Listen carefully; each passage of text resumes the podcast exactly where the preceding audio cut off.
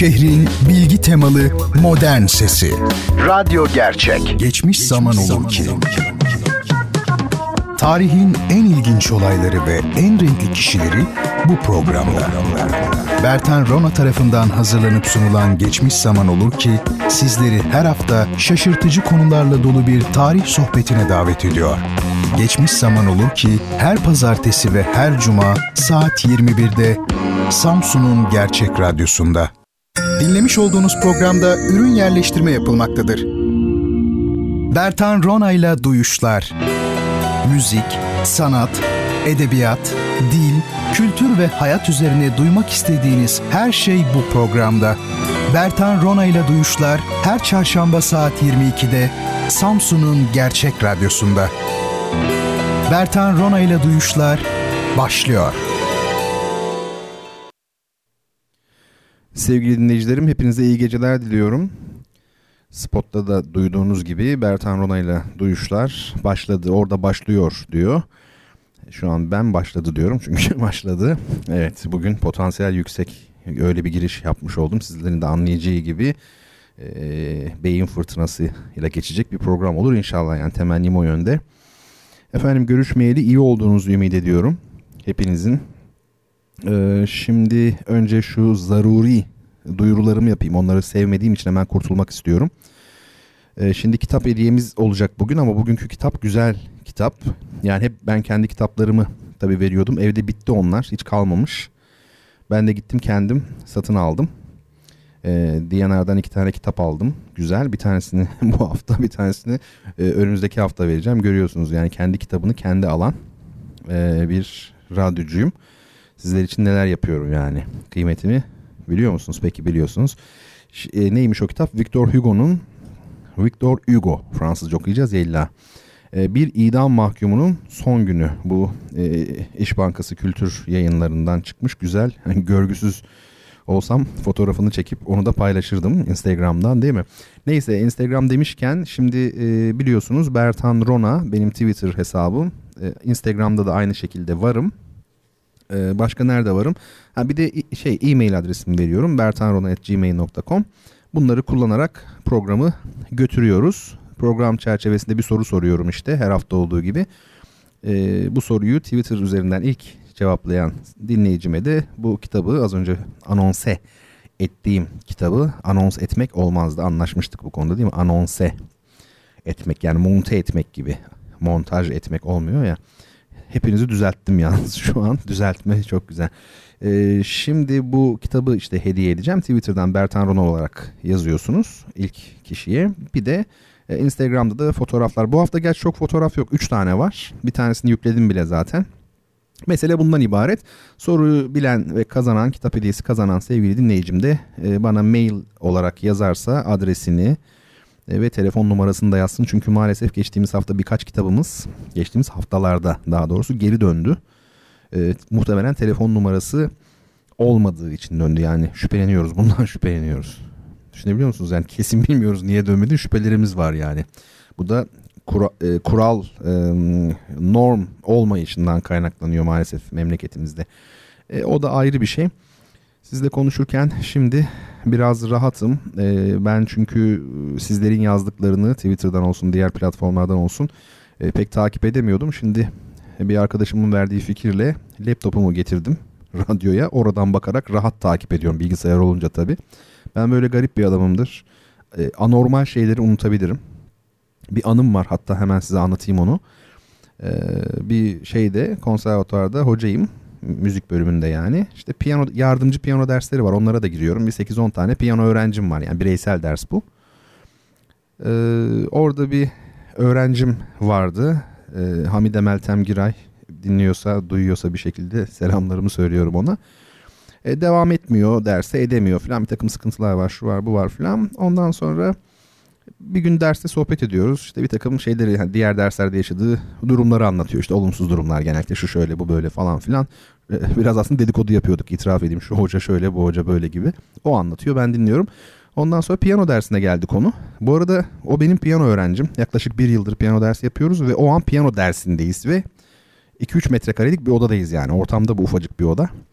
İşte piyano dersine geldi. Ben piyano dersinin nasıl gidiyor falan onda dedim hocan kim falan. Şaka yapmıyorum aynen böyle sordum. Tabii o kızcağız da şaşırdı yani. Ee, ne bileyim yani o an yabancılaşmışım demek ki yani ben onun hocası olduğum halde hocan kim diye e, sormuştum. Böyle dalgınlıklarım oluyor zaman zaman neyse. E, çok gevezelik etmeyeyim artık sizler şimdi sabırsızlıkla konularımıza geçelim diye belki de bekliyorsunuzdur ama anonslar daha bitmedi. Fatih Çelik Bey'e e, kitabını bu akşam gönderiyoruz. İki kitap gönderecektik ama dediğim gibi benim kitabım evde kalmadığı için ona tek bir kitap göndereceğim. Bilgisi olsun o kendisi biz onunla görüşmüştük halledecekti. Ee, Abdullah Turgut Bey'e bir kitap borcumuz vardı onu göndereceğim. Mehmet Emin Dandin Bey'e de göndereceğiz. Bir ricam olacak o da şu. Ee, geçen hafta soru soran e, sevgili dinleyicilerim olmuştu. Ben onları aradım aradım. Twitter'da gerilere gitmeyi bilmiyorum çok fazla. Bir süreden sonra inemiyorsunuz aşağı ve o soruları bulamadım. Bana lütfen tekrar sorun. Ben onları e, kaydedeyim ve hepsini cevaplamış olayım. E, bayağı bir soru geldi çünkü bu hafta içerisinde. Şimdi Abdullah Turgut Bey'in sorusundan başlayayım. Programa da bir giriş yapmış olalım. Şöyle demiş Abdullah Turgut Bey demiş ki mimar daha doğrusu 3 soru sormuştu. E, şöyle yapacağım. E, her hafta bu 3 sorudan birini cevaplamaya çalışacağım kısaca. E, programı genelde tematik yapmıyorum. Yani mesela atıyorum bir bölüm tamamen mimariye ayrılmış ya da bir bölüm tamamen şu kişiye ayrılmış. Bir bölüm tamamen şu şaire ayrılmış gibi yapmak istemiyorum. Zannediyorum sizler de onu çok tercih etmezsiniz. Onun yerine her programda pek çok şeyden bahsederek gidelim istiyorum. O bakımdan Abdullah Bey'in sorularını da dağıtmış oldum. Birincisi şöyle mimari bir sanat mıdır diyor. Böyle bir daha doğrusu böyle bir tartışma süre geliyor hocam demiş. Mimari tamamen e, fonksiyonla mı ilgi, ilgilidir, alakadardır yoksa sadece sanat mıdır diyor. E, ya da ikisi beraber mi? Ve son olarak da demiş ki fonksiyondan, işlevden söz ediyorsak sanattan da söz edilir mi? Şimdi Abdullah Bey'in sorusunda şöyle bir şey var. Abdullah Bey sanatla fonksiyonalite arasındaki e, kontrastı bilen biri. Çünkü bu sorudan o sonuç çıkıyor. Bu güzel. Yani e, güzel derken şunu kastediyorum. Yani sanatla fonksiyonelite arasındaki ayrımı e, bilmek önemli bir şeydir. Çok önemli bir şeydir hem de. Herkes e, bunu böyle düşünmez. Yanlış da anlaşılmasın. Çok çok e, yüksek seviyede olan bazı sanat tarihçileri, e, sanat felsefecileri bile e, sanatla fonksiyoneliteyi tabii ki ayrı şeyler olduğunu bilirler ama onlar e, bir zıtlık içinde kabul etmezler. Şimdi ondan bahsedeceğim zaten. Ne demek bu? Hani daha evvel de mutlaka anlatmışımdır. Bir mesela resim bugünkü manada yani duvara asılan resmin ortaya çıkması çok ileri tarihlerdedir. Aslında bir dolap düşünün çok basit anlatıyorum. Dolabın kapağı var biliyorsunuz böyle kanatlı diyelim işte sağa sola doğru açılıyor iki tane. Ee, mesela oralar resmediliyordu başta. Yani dikkat edin tamam dolap artık düz değil yani resimli bir dolap. Bu hoş bir adım estetik bir adım Normalde resimsiz dolap, düz dolap ne demektir? İşte kullanım amacıyla işte fonksiyonelite bu. Dolaba bir şeyler koyuyorsunuz. Ha sonradan insan burunla yetinmiyor artık. Diyor ki ben şu dolabı bir de resmedeyim ya daha zevkli olsun diyor mesela. Dikkat edin burada şimdi bir ileri adım var. Bir estetik e, çaba var, eğilim var, ihtiyaç var. Ama hala neyin üstünde? Dolabın üzerinde yani hala fonksiyonel olan e, bir e, eşyanın üzerinde. Öyle söyleyeyim. Bir, daha doğrusu bir eşyanın üzerinde. Sonra bağımsız bir şekilde yani tablo olarak yapıp duvara asmak. Bakın orada artık işlevi yok. Tek başına bir resim yani o. Heykel de böyledir. Değil mi? Zaman zaman bunları hep konuştuk. Yani sütun mesela heykel şeklinde yapılabilir. Ama hala taşıyıcı işlevi var mimaride. Atlas dediğimiz karyatit yani taşıyor hala ama e, onu oradan çıkarıp sütun halinden çıkarıp salt heykel olarak çıkarıp bir yere koymak ta, ne olmuş oldu? Tamamen kon- konteksten kopmuş oldu. Yani işlevini tamamen kaybı, işlevselliği e, aşmış oldu. Mesele bu yani Abdullah Bey'in bahsettiği yani sanat mıdır yoksa fonksiyonel midir ayrımı yani herkes bu konuya hakim olmayabilir o nedenle kısaca açmış oldum. E, benim görüşüm şu e, mimari e, tabii ki sanattır ona e, hiç şüphe edilmemesi gerekir. E, şimdi şunu unutmayalım. Fonksiyonelite ile sanat arasında bir zıtlık var ama öte yandan da bütün sanat dalları aslında bir ihtiyacı karşılarlar. Mesela konser diyelim. Mozart'ın 41. senfonisi Jüpiter. Şimdi bu eser tek başına fonksiyonel değildir. Öyle değil mi? Yani dinlediğiniz zaman sizi daha sağlıklı yapmaz mesela işte kalp rahatsızlığınız var Allah muhafaza. E işte sizi iyileştirmez. E veya soğuk bir kış gününde bunu dinlerseniz e, birdenbire kalorifer var gibi eviniz ısınmaz. Yani dolap işlevi de görmez. Öyle değil mi? Siz onu salt zevk için dinliyorsunuz. Yani o e, şey gibi duvardaki tablo gibi veya dışarıya çıkarılmış heykel gibi tek başına müstakil olmuş, konteksten kopmuş. Ama şuna da dikkat edin. Konser yine de yani müzik bir ihtiyaçtır değil mi? İnsanlar konserlere gidiyor ama. Dolayısıyla bu fonksiyonelite ile e, sanatsallık arasındaki ayrımı biraz da bizim zihnimiz yapıyor. Yani tamam eser her ne kadar salt zevk için dinlenen sanat yapıtı da olsa e konser olarak dinliyorsunuz ama o bir ihtiyaç. O da bir ihtiyaç yani değil mi? Yani dolap gibi bir ihtiyaç konsere gidiyorsunuz. Efendim mesela tablo mesela evinize asıyorsunuz duvara. Yani siz onu talep ettiğiniz müddetçe o ne kadar fonksiyonellikten kopmuş da olsa aslında bir anlamda bir işlevsellik, toplumsal bir ihtiyaca karşılık gelmeye başlar. Ee, şimdi buradan hareket edecek olursak mimari de aslında böyledir. Hatta daha fazla böyledir. Bütün sanat dalları içerisinde en işlevsel olan sanat dalı tabii ki mimaridir. Neden? Çünkü konut olarak siz onun içinde oturuyorsunuz. Yani konut olur, başka bir şey olur tabii köprü olur falan filan ama ilk akla gelen hani konut mimarisi olduğu için öyle söyledim. Ee, burada hem e, insanın ihtiyacı hem de onunla beraber şekillenen bir estetik yapı var. Biliyor musunuz Nazım Hikmet biz millet olarak şeyleri pek okumayız mesela. Nazım'ın şiirlerini falan az çok biz mesela diyelim ki biliyoruz ama bir de konuşmaları var. Hani yazıları falan da değil tabii. Çok cilt eseri vardı da. Mesela atıyorum zamanda Bulgaristan radyosunda yaptığı canlı yayındaki cevapları falan böyle konuşmalar bilmem neler şu bu. Orada otur bir yerde okuduğumu hatırlıyorum. Bütün sanat dalları arasında en yüksek yere Nazım Hikmet mimariyi oturtmuş. Neden? Tabii ki çok rahat tahmin edebiliriz. Mimari oturtmasının sebebi e, insan kullanımıyla bağını koparmamış, tamamen koparmamış bir sanat. E peki Nazım'ın bunu bu şekilde kabul etmesindeki espri nedir? E tabii ki Nazım Hikmet Ran e, sosyalist görüşe sahipti. Marksistti. E öyle olunca ne oluyor? Tabii ki e, kitlelerin ya da insan kullanımının e, dışında kalmayan emekle gündelik olanla bağını koparmamış bir sanattan yana öyle değil mi? Sovyetler Birliği'nde neye müsaade e, ediliyordu sadece? halkın anlayacağı sanat eserlerine mesela siz senfoni yazıyorsunuz. Yukarıda bir komiserlik var sanat işleri komiserliği. O mesela diyor ki ya bu senfoni diyor çok avantgard olmuş çok ilerici bunu anlamaz halk diyor. Deneysel bir çalış hayır onu herkesin anlayacağı ne oldu? Onu konser salonlarına çekmiş oldu o senfoniyi. Tıpkı bu, bunun gibi e, mimari elbette ki insanın yararından azade e, bir dal olmadığı için bir sanat dalı olmadığı için Nazım Hikmet ideolojisine sahip bir insanın bunu yüceltmesi kadar hani normal bir şey olamaz. Biz onu anlıyoruz.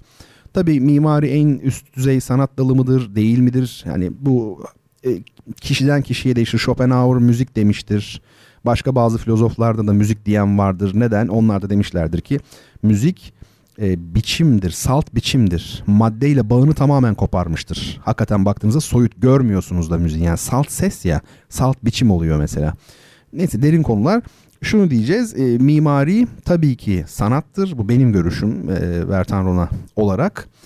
E, ancak e, fonksiyoneliteyle bağını koparmamış bir sanattır ve bence bu aşırı idealize etmeye yani çok böyle bir idealist felsefe açısından e, bakmaya, estetize etmeye çok fazla gerek yok.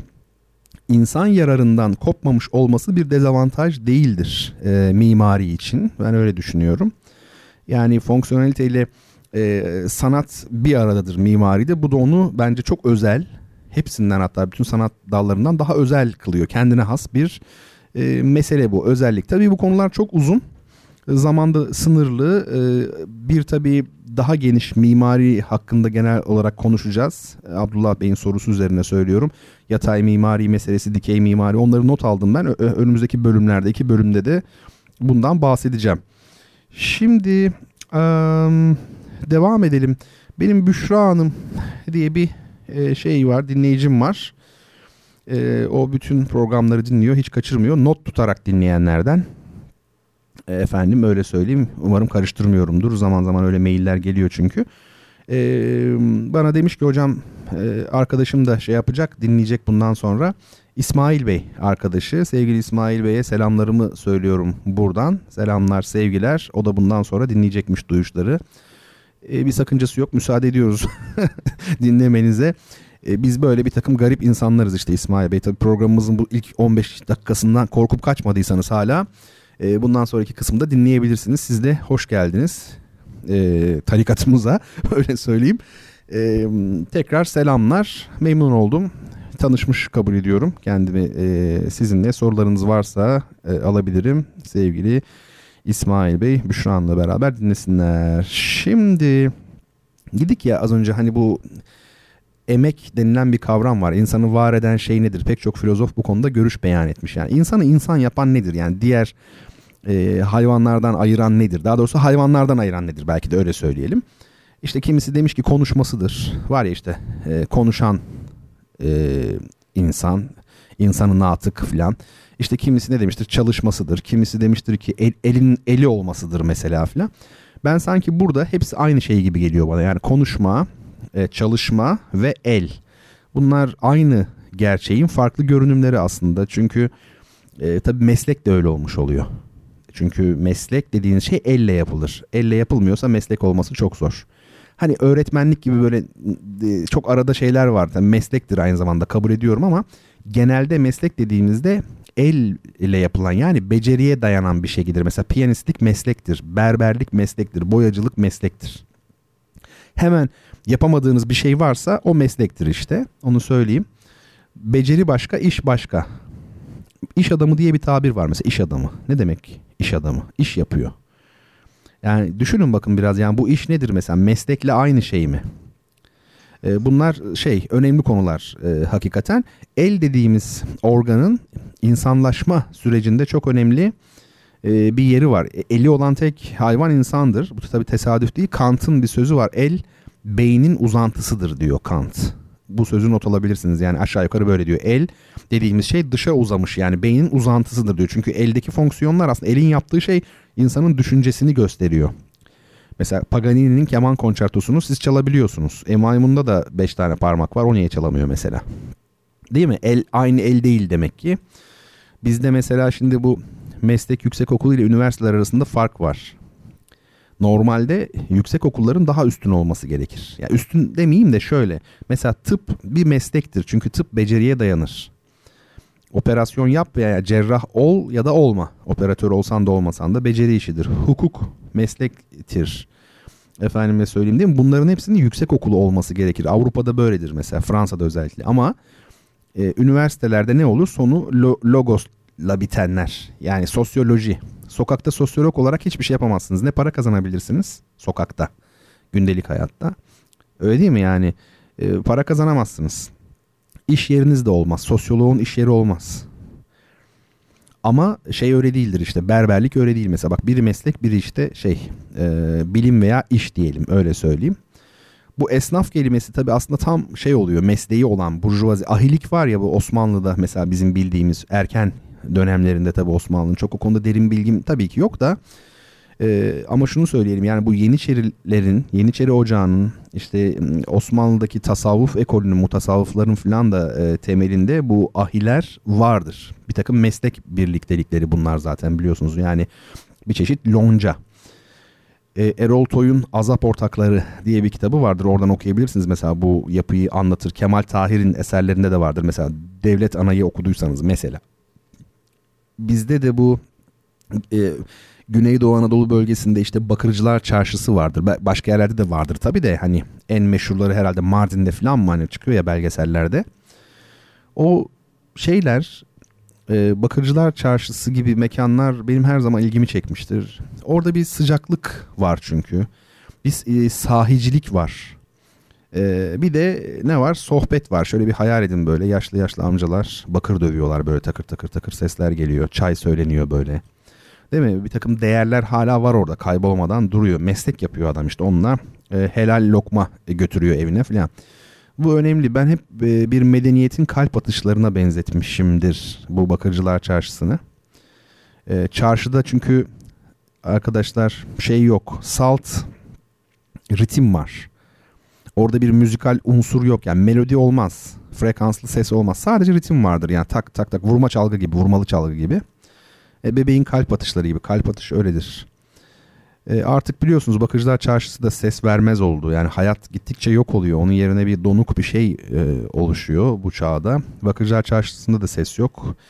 Eğer medeniyetimizin kalp atışlarıysa bir anlamda durmuş oldu diyebiliriz. Yani sadece bizim medeniyetimizin değil aslında bakın Avrupa'da mesela bu işler kalmadı artık.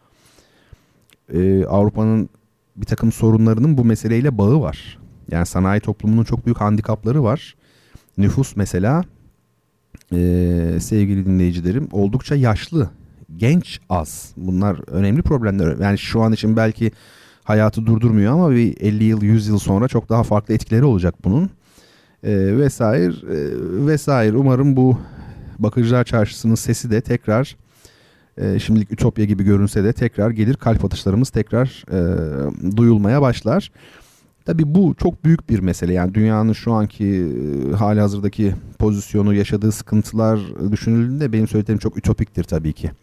Yani dünya bütün sorunlarını aşacak. Savaşları, açlığı, adaletsizliği, bir sürü meseleyi aşacak.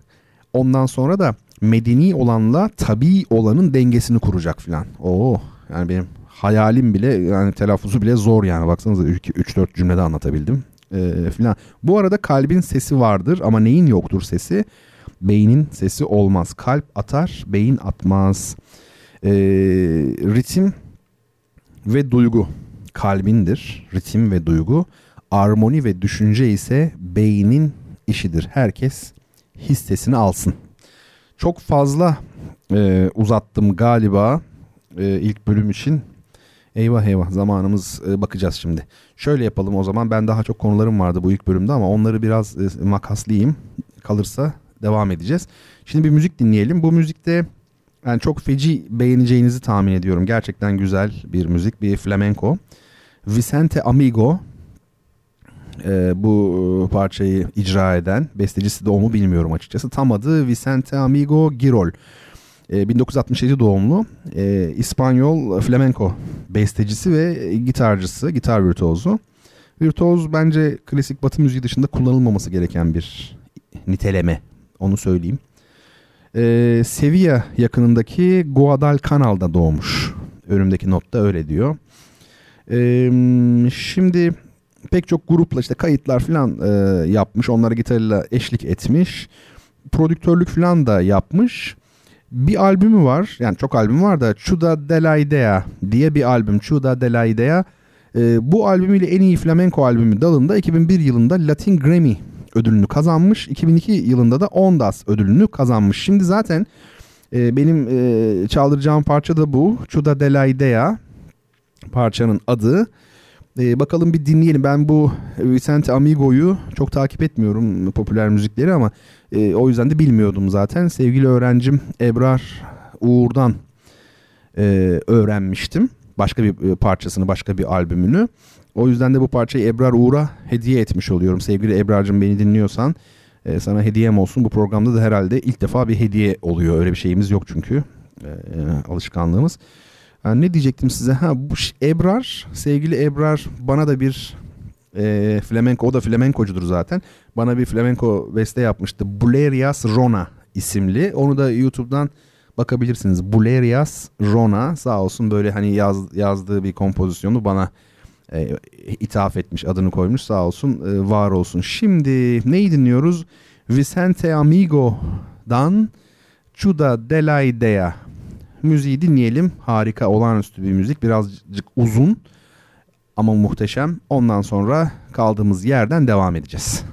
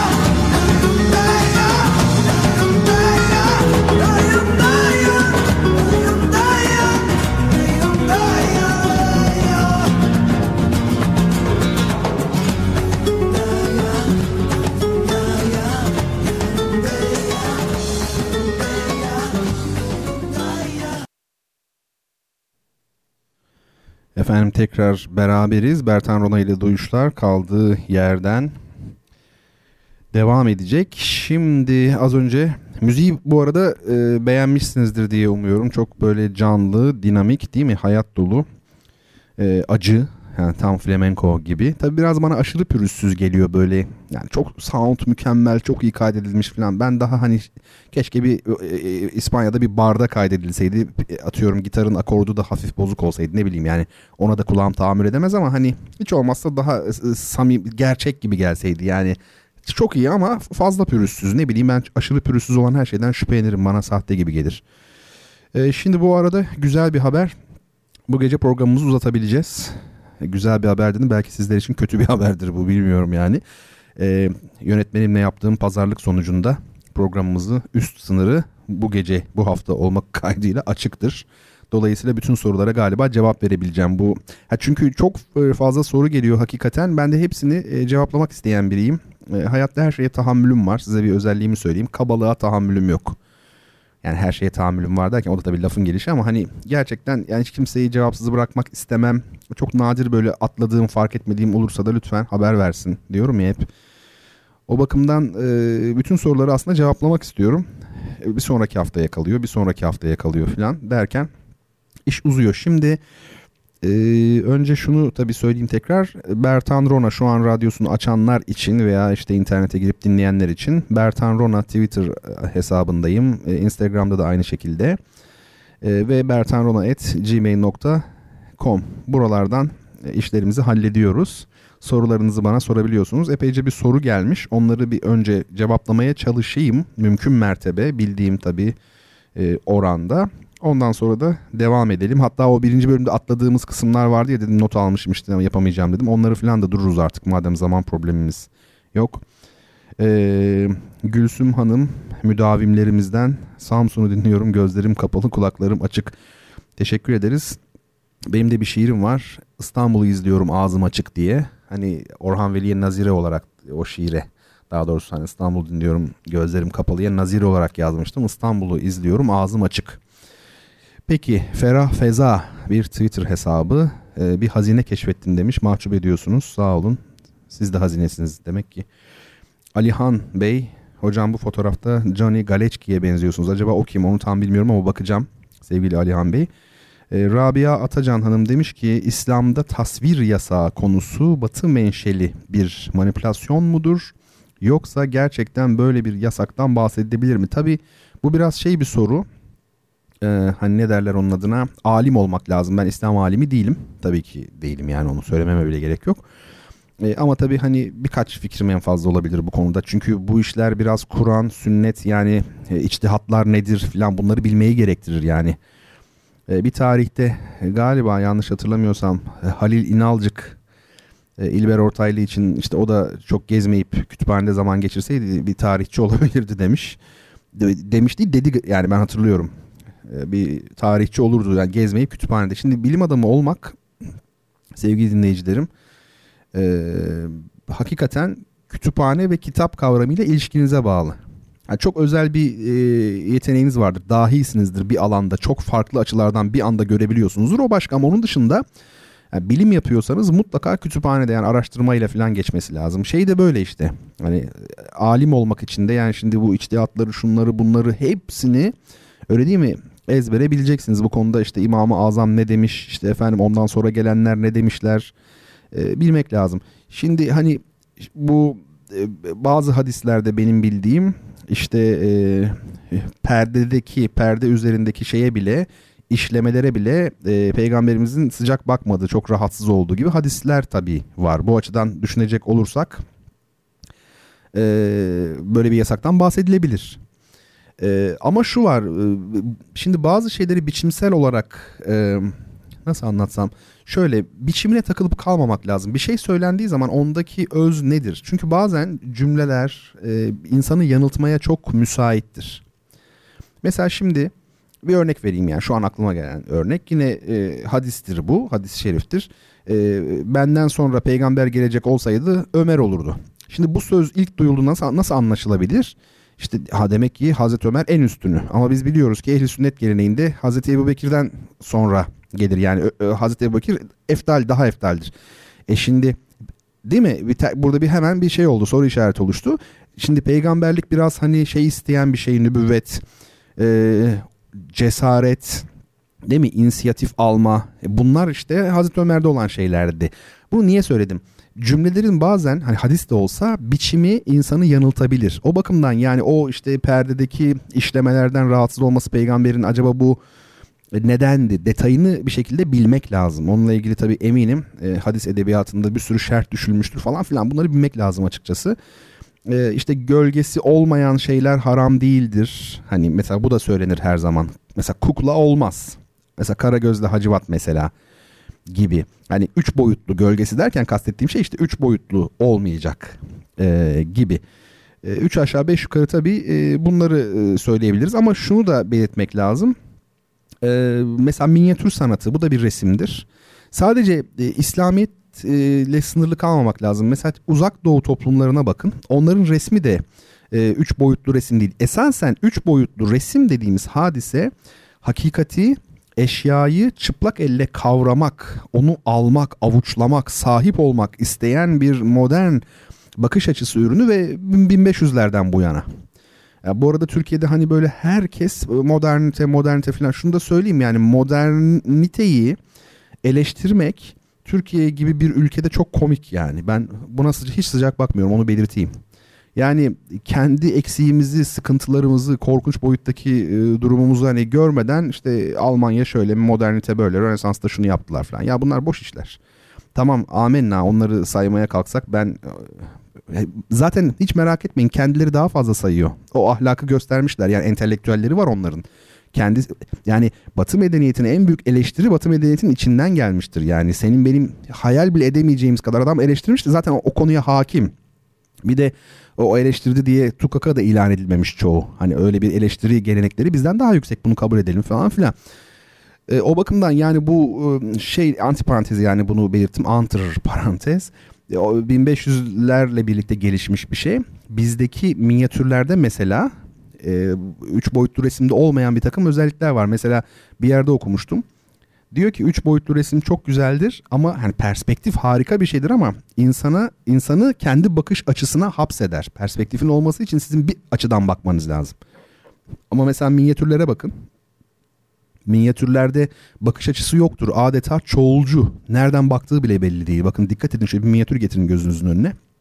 O bakımdan burada bir üst ast ilişkisi tanımlamamak gerekir. O resim daha üstün veya minyatür. Sadece farklı e, kültürel e, yapıların, sosyoekonomik sistemlerin üzerinde şekillenmiş farklı kültürel yapıların çocuğu her ikisi de. Ay neyse ben şimdi böyle her bir soruyu da zaman var diye şey yaparsam sabahlarız. Gerçi bir gün onu da yapalım. Sabaha kadar falan deneyelim. Nasılsa siz benden daha şeysiniz, çılgınsınız. Onu da biliyorum yani. Ramazan Cesur Bayram. Heh, bu soruyu merak ediyordum. E, Ramazan e, Bey ee, geçen hafta da bu soruyu yazmıştı. Ben cevap verememiştim ve huzursuz olmuştum. Şöyle ben not aldım tabii ki. Sonra gittim de o mentionlar var ya bildirimler. O, o aradım aradım bulamadım tekrar yazmış. 27 Aralık diyor tarihi. Evet o da görünüyor. Benim iyice mahcup edercesine. Zımni ve deruni zahirinin namütenahi asumanın vuzuhsuz bu ziyanın nehari refikiyim ben. Tam okudum onu söyleyeyim bak şimdi. Yani telaffuzuyla alttaki Türkçesini de yani Türkçe derken bu da Türkçe bence de e, alttaki gizli ve derin görünenin sonsuz semanın belirsiz bu ışığın gececi arkadaşıyım ben demiş. Şimdi burada e, şöyle söyleyeyim. Burada bence esas mesele gece. Gece çok önemlidir. Geçmek kökünden gelir Türkçe'de. Geçe, geçmiş gitmiş yani.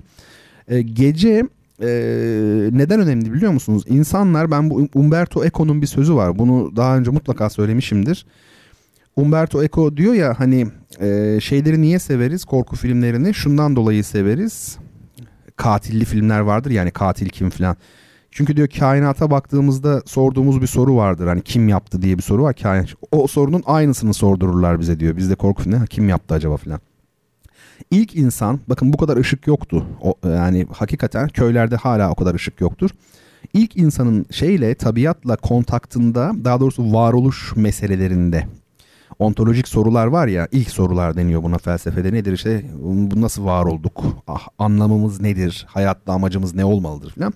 Bu noktada ilk e, gözlem benim tahminim e, gece gökyüzüne bakmakla olmuş. Yani o sorgulama çünkü geceleyin dikkat edin iş yapmıyorsunuz geceleyin düşünce çalışıyor daha çok.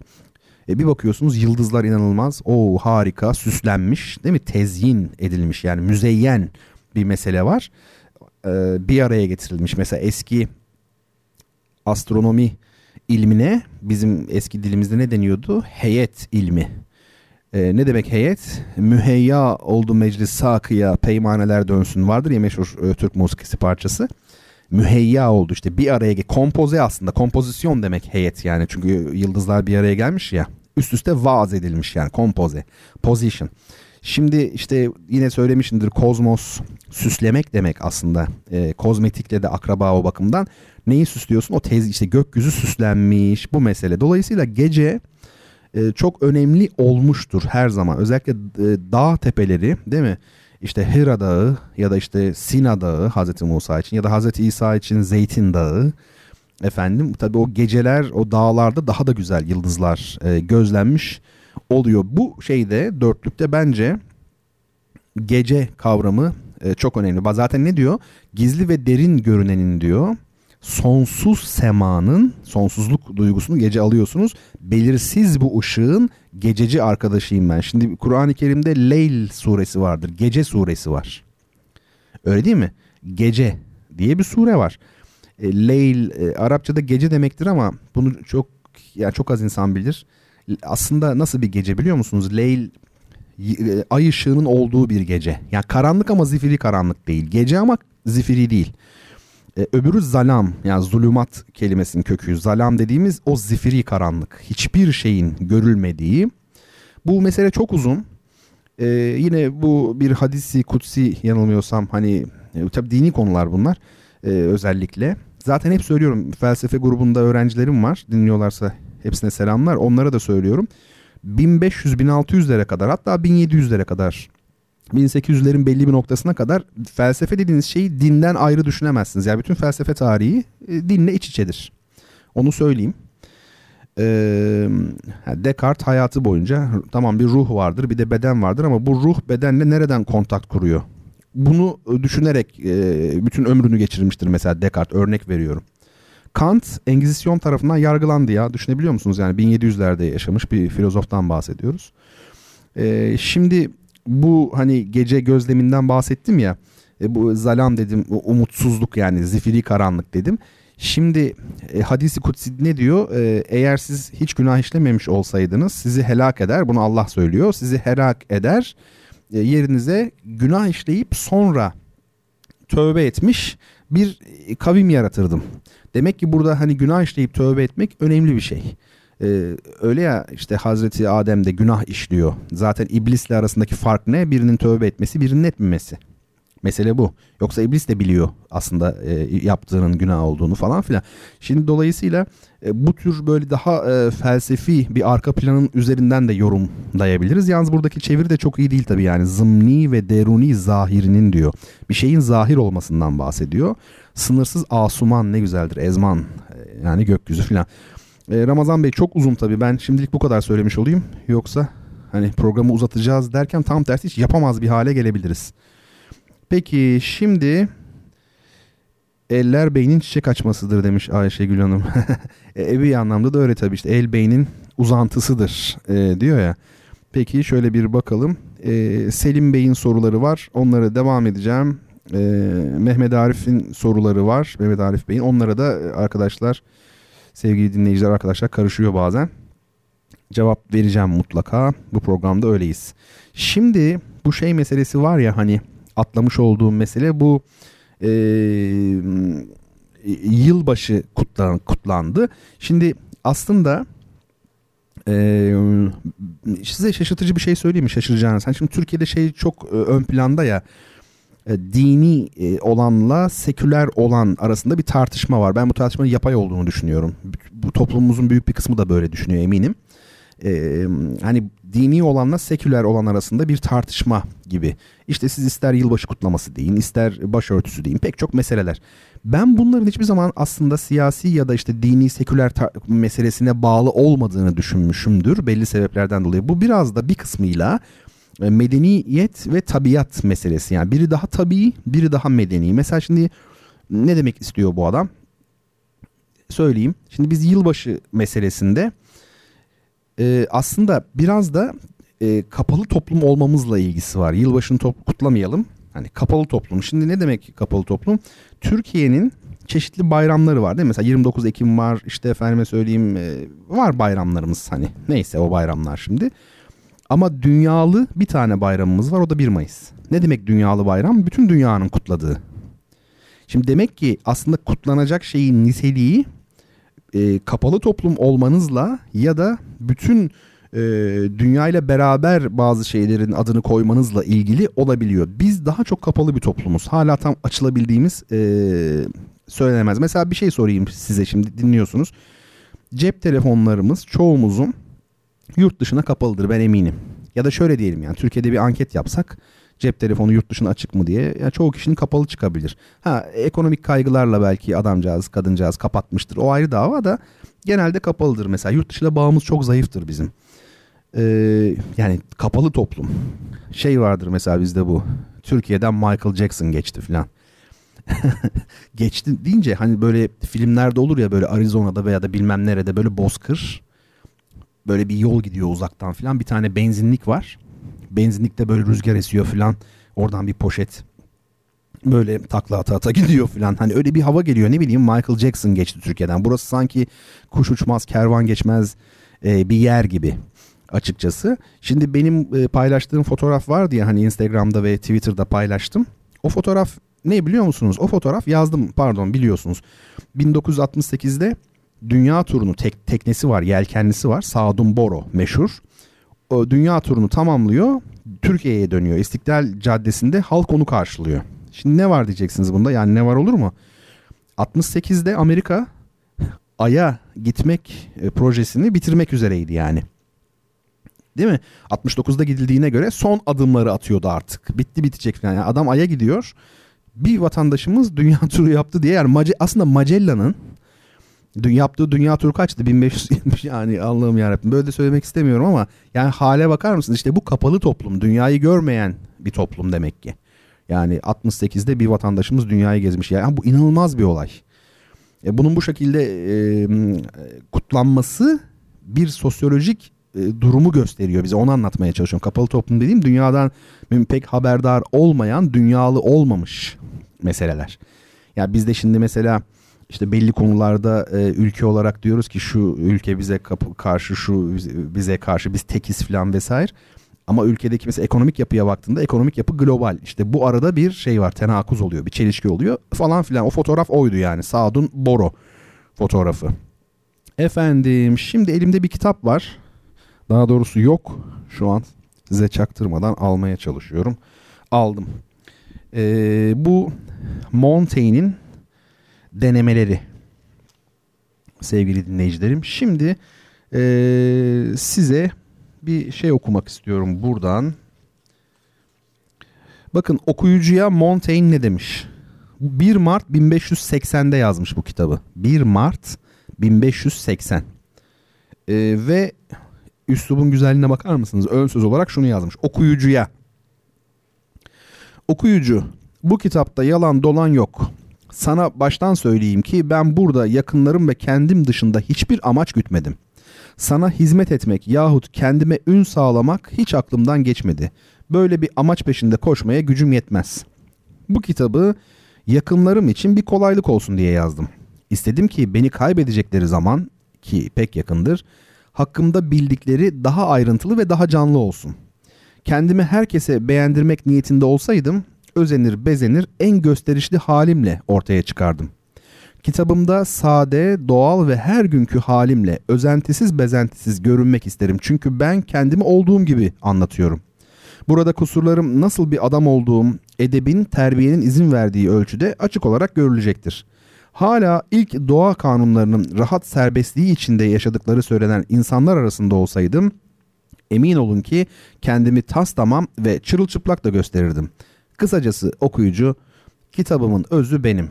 Boş zamanlarını bu kadar sudan ve anlamsız bir konuya harcaman akıl kârı olmaz. Haydi uğurlar olsun. Sonu çok güzel değil mi? Haydi uğurlar olsun. Söylemiş ve çekilmiş. İşte bu da Montaigne yani böyle büyük bir e, dahi. Şimdi mesela buradan size bir tane okumak isterim onun denemelerinden. Çok uzun olmayan bir tane seçtim. Korku üzerine yazmış. Bakalım korku üzerine Montaigne ne demiş?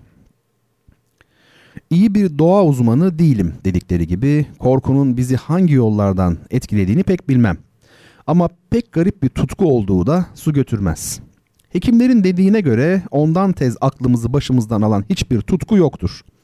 Gerçekten korkudan aklını yitiren çok adamlar görmüşümdür. En sağlam kişilerin korku süresince inanılmaz şaşkınlık hallerine düştükleri olur. Bilgisiz halkı korkudan atalarının mezardan çıkmış kefenlere sarılı dolaşır görenleri, cinlerin, perilerin saldırısına uğrayıp çarpılanları bir yana bırakıyorum. Meslekleri gereği korkmamaları gereken nice askerlerin korkudan bir koyun sürüsünü zırhlar kuşanmış bir alay, sazları, kamışları, mızraklı akıncılar, dostları düşman, beyaz haçı, kızıl haç sandıkları az mı görülmüştür? Bourbon Dükası Roma'yı aldığı sırada Saint Pierre semtini bekleyen bir nöbetçi subay ilk hücum borularını duyar duymaz öyle bir korkuya kapılıyor ki elinde alem bir yıkıntının deliğinden dışarı fırlıyor. Şehrin içine doğru gittiğini sanarak düşmana doğru 300 adım kadar koşuyor. Neden sonra aklı başına gelip geri dönüyor ve aynı delikten içeri giriyor. Burkont'u bizden Sempol'ü aldığı zaman Alemdar subay Julie o kadar ucuz kurtulamıyor. O da korku şaşkınlığıyla bir delikten sur dışına çıkınca kuşatanlar paramparça ediyor kendisini. Aynı kuşatmada bir soylu kişinin yüreği korkudan öylesine sıkışıp duruveriyor ki yarasız beresiz sur hendeğine düşüp ölüyor. Aynı korku bazen bütün bir kalabalığı sarar. Germanicus'un Almanlarla bir karşılaşmasında iki büyük alay korkudan birbirinin tam tersi iki yöne kaçışıyorlar. Korku kimi zaman topuklarımıza kanat takar, kimi zaman da ayaklarımızı yere çiviler. İmparator Theophilus'un başına geldiği gibi. Agarenlere karşı yitirdiği bir savaşta şaşkınlıktan dona kalıp bir türlü kaçamıyormuş. Sonunda ordu komutanlarından biri gelip derin bir uykudan uyandırır gibi sarsmış onu. Ardımdan gelmezseniz demiş öldürürüm sizi çünkü canınızı yitirmeniz esir düşüp imparatorluğu yitirmenizden daha iyidir.'' Korkunun gücü son haddine şöyle varır ki ödev ve onur yerinde elimizden aldığı yiğitliği kendi buyruğunda gösterir bize. Romalıların Hannibal'e karşı Sempronius komutasında ilk meydan savaşını yitirdikleri sırada 10 bin kişilik bir piyade tümeni korkudan kaçarak delik arayıp bulamazken düzelteyim korkudan kaçacak delik arayıp bulamazken düşmanın en güçlü kanadı üstüne şaşkınca yürümüş ve görülmedik bir gayretle yarmayı başararak bir sürü kartacalıyı öldürmüşler. Onurlu bir zaferle elde edeceklerini yüz karası bir kaçışla elde etmişler. En çok korktuğum şeyin korku olması bundandır. Bütün belalardan daha belalı bir yanı vardır korkunun. Savaşın bir döneminde bir hayli yıpranmış, bir hayli hırpalanmış, yara bere içinde kalmış askerleri ertesi gün yeniden düşmanın üstüne yürütebilir. Ama içlerine korku düşmüş askerleri önlerine bile baktıramazsınız. Mallarını yitirmek, sürülmek, köle olmak korkusuna kapılanlar yemelerinden, içmelerinden, uykularından olup sürekli bir telaş içinde yaşarlar. Oysa yoksullar, haydutlar, köleler çoğu zaman daha keyifli yaşarlar. Korkudan kendilerini asan, boğulan, uçurumlara atlayan nice insanlar da gösteriyor ki bize korku ölümden daha amansız, daha dayanılmaz bir beladır. Eski Yunanlıların bildiği bir başka çeşit korku varmış. Bizim aklımızın şaşkınlığı dışında bir dürtüden gelirmiş. Toptan bir halkın, orduların kapıldığı olurmuş bu korkuya. Kartaca'nın altını üstüne getiren böylesi bir korku olmuş.'' Bağırışıp çağrışmalar gökleri tutmuş, bir baskın varmış gibi millet sokaklara dökülmüş, düşmana saldırır gibi birbirlerini yaralamış, öldürmüşler. Kargaşaya, şamataya boğulmuş bütün Kartaca. Sonunda dualar, kurbanlarla tanrıların öfkesini yatıştırmışlar da öyle kurtulmuşlar bu beladan. Pan tanrının saldığı korku anlamına panik diyorlar buna.'' Evet enteresan bir hayli uzundu. Ee, hakikaten de panik kelimesi e, e, mitolojideki pandan tabi geliyor. Orada bahsettiği de muhtemelen ilk çağlarda, ilk çağda, orta çağlarda veya çok görülen e, topluluk halinde yaşanan histeriler. Bu tür krizler belki de meşhur hikayeler de vardır. Ludun şeytanları vardır mesela e, meşhur. Araştırabilirsiniz yani çok öykü var böyle. Cadılık meseleleri falan şu bu neyse. E, ben de hep şey derdim günümüzün en büyük problemi ya daha doğrusu günümüzde en çok korkulacak şeylerden biri insanların hiçbir şeyden korkmamaları. Artık modern insan korku duygusunu yitirdi büyük oranda. Bu da ilginç bir şey. Montaigne denemeler. Çok klasik bir kitap biliyorum ama en çok klasikler gözden kaçar biliyor musunuz? Mesela Mona Lisa'yı gerçek bir tablo gibi göremezsiniz. Yani ona böyle bir e, hakikaten e, sanat yapıtı bilmediğimiz bir tablo gibi bakıp sıfırdan böyle yorumlama pek mümkün olmuyor. Mona Lisa çünkü o kadar ünlü ki. Ünlü ki yani ya da işte efendim e, Mozart'ın 40. senfonisi. Yani o kadar biliyoruz ki melodisini bir senfoni gibi dinleyemiyoruz adeta. Denemelerin gücü nereden geliyor? Montaigne'in denemeleri mutlaka edinin, okuyun. İnsan gerçeğini anlatmasından geliyor bence. Şimdi o kendisi diyor ya ben sadece kendimi anlatıyorum başka bir işim yok. Aslında korkudan öyle diyor. O dönemde tabii bir kitap yazmak ne demek? Mutlaka Engizisyon tarafından inceleniyor bakalım bu ne anlatmış diye. Ee, şimdi tüm edebiyatın kaynağı, hedefi aslında insan. Hani bir tartışma vardır ya sanat sanat için midir, toplum için mi diye. Ee, benim buna yıllar önce verdiğim cevap sanat insan içindir. Şimdi çünkü sanat sanat içindir demek aşırı bir formalizme, aşırı bir entelektüelizme götürebilir insanı. İkincisi de işte bireyi, birey kavramını ıskalayan aşırı bir toplumculuğa götürür. Yani Sovyetler Birliği'nde falan olduğu gibi böyle hani sanat toplum içindir sadece. Öbürü ne diyor? Sanat sanat içindir. O da aşırı elitist. Ama ben ne diyorum? İnsan içindir. Yani insanda hem e, güzellik duygusu vardır. O sanat sanat içindirdeki kısım bu. Hem de yarar duygusu vardır. Bu da toplumsallık olmuş oluyor. Derin ve uzun bir mesele. Şimdi geçen e, hafta bir şeyden bahsetmiştik. E, hatırlar mısınız neydi o? Satranç üzerine biraz konuşmuştuk. Şimdi o ondan e, şey yapacağım. Biraz bahsetmek istiyorum size. Şu satranç hadisesinden Türkiye'de de bir ara mesele oldu. Biz hep zaten bu gibi konularla gündemimize geliyor yani. Mesela satrancıda yine satranç haram mıdır değil midir? Müzik bilmem ne midir değil midir? Şu değil midir filan. Halbuki e, bu, bu tartışmalar olmadan da bir araştırsak okusak çok güzel olur. Ben e, bundan sonra satrançtan ufak ufak her hafta bahsetmeyi e, düşünüyorum. Satranç hem şeydir, bir bilimdir, hem sanattır. E, şaka etmiyorum hakikaten. Hem de spordur. Yani bu tutkuyu yaşayanlar bilir. Satranç hiçbir şeye benzemez. Ben yaşamayayım dersiniz yani. Benim hayatım olmasın. Sadece o e, 64 kareden oluşan o tahtayı göreyim dersiniz. Yani çok acayiptir hakikaten. E, şimdi mesela satrançla ilgili bir tarihsel bir bilgi vereyim size ama merak etmeyin zevkli bilgiler bunlar. Güzel şeyler. Kısa kısa. Milattan önce 3. yüzyılda Hindistan'da icat olunduğu biliniyor.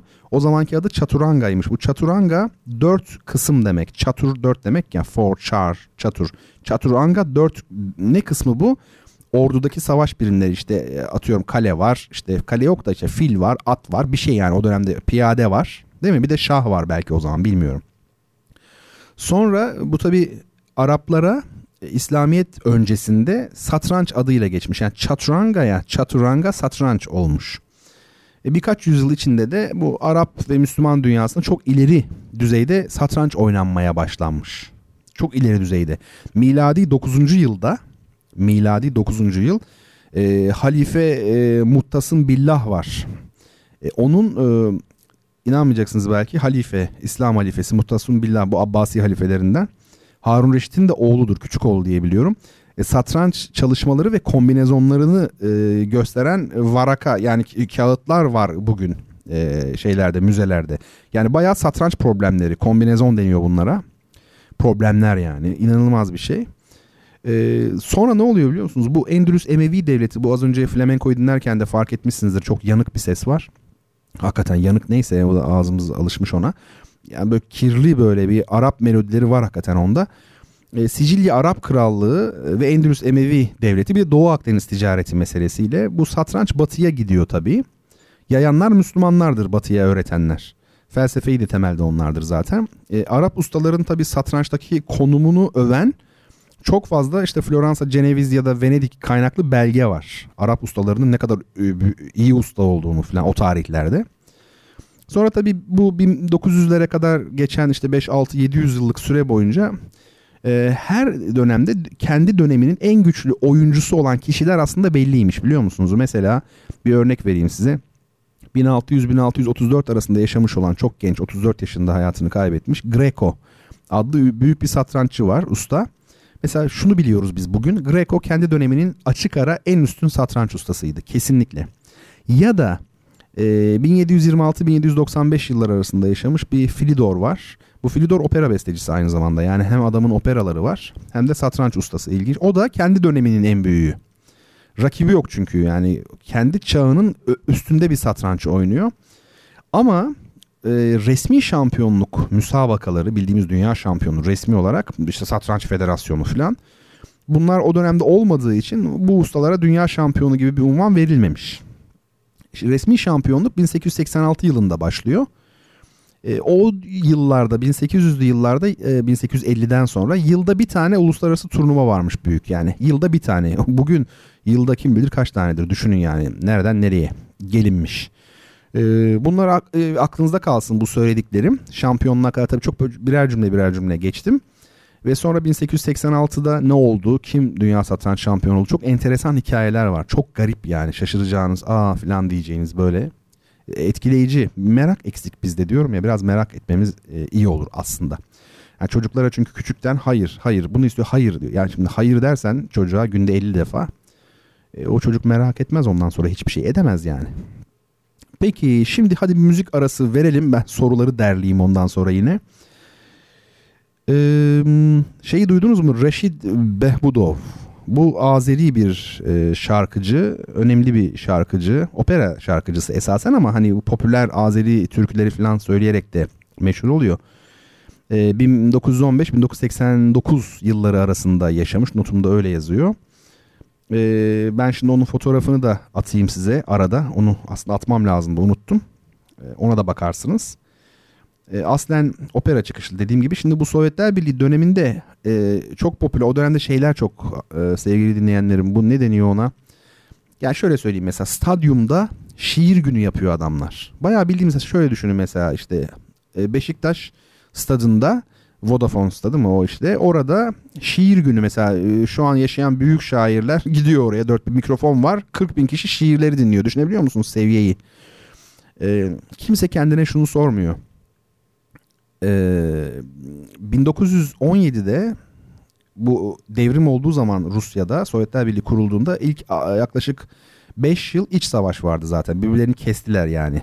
Bir anda öyle devrim oldu kapıyı kapattık hadi bakalım her şey hoş diyemezsiniz. İlk 5 yıl iç savaş. Yani aslında Sovyetler Birliği 1922'den itibaren kendi kalkınmasına zaman ayırabildi. Bakın şimdi 1922 35 yıl ekleyin. 30 yıl 35 yıl ekleyin. 30 yıl ekleseniz bile 1952 yılında Amerika Birleşik Devletleri ile uzay meselelerinde yarışan bir Sovyetler Birliği. Düşünebiliyor musunuz? 30 yılda. Nasıl oldu bu?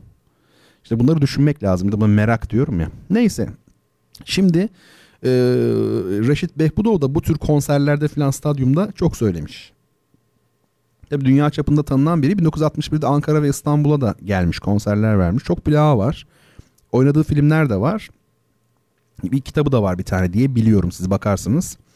59'da Sovyetler Birliği halk sanatçısı olmuştu bu. Demek ki orada tabii halk sanatçısı dediğim gibi o kitlesel ya her şey. O büyük bir ödül yani.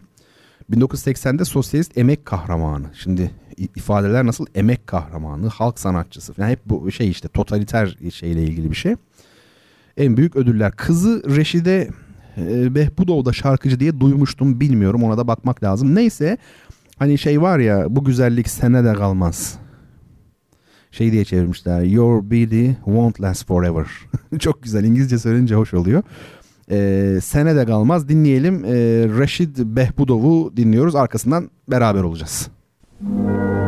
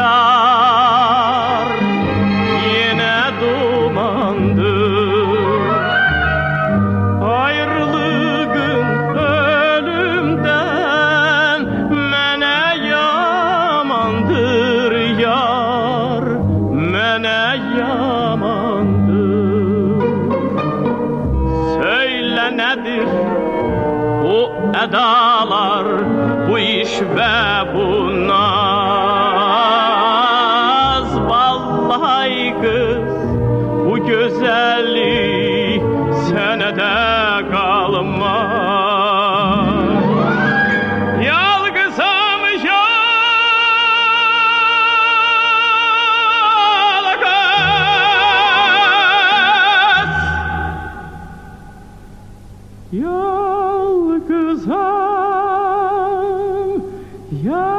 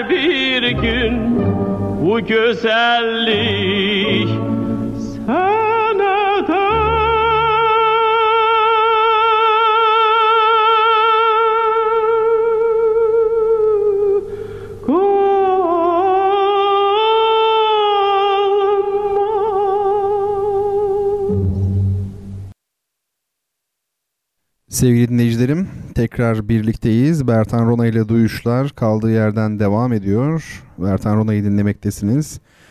Bu programı her hafta çarşamba geceleri sizler için hazırlayıp sunmaya çalışıyorum. Müzik, edebiyat, felsefe, zaman zaman e, sanat, hayat, dil, kültür neyse e, onlar üzerinde duruyoruz. Aslında ben bu konuları şey seçmiyorum yani işte programımızın konsepti var böyle olacak falan değil. Hayır ben yani benim dünyamda ne varsa ben neyle ilgileniyorsam o dönem itibariyle programda öyle oluyor yani.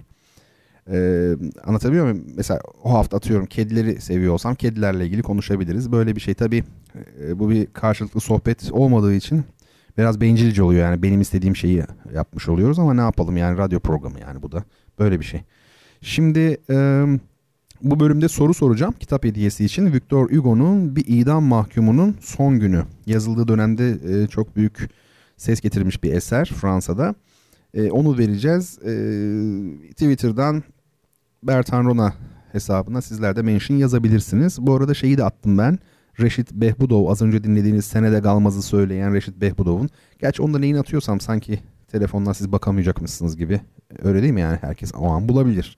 Ama belki de işte şeyde ne derler onun adına Instagram'da o şekilde kalsın her programın hatırası gibi veya arşivi gibi e, dursun. Şimdi e, Selim Bey demiş ki hocam eskinin mimarisinde ve günlük hayatta kullanılan eşyalarda hep ince süslemeler ve işlemeler var.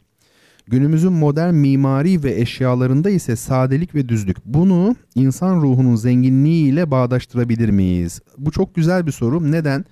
Çünkü benim hep e, sizler tabii ki benim dinleyicimsiniz, e, talebem değilsiniz ama ben e, felsefe derslerinde olsun, konferanslarda olsun, diğer derslerde hep anlatmak istediğim, altın çizmek istediğim bir nokta var. O onun için güzel bir fırsat bu söyleyebilmek için. O bakımdan hakikaten önemli.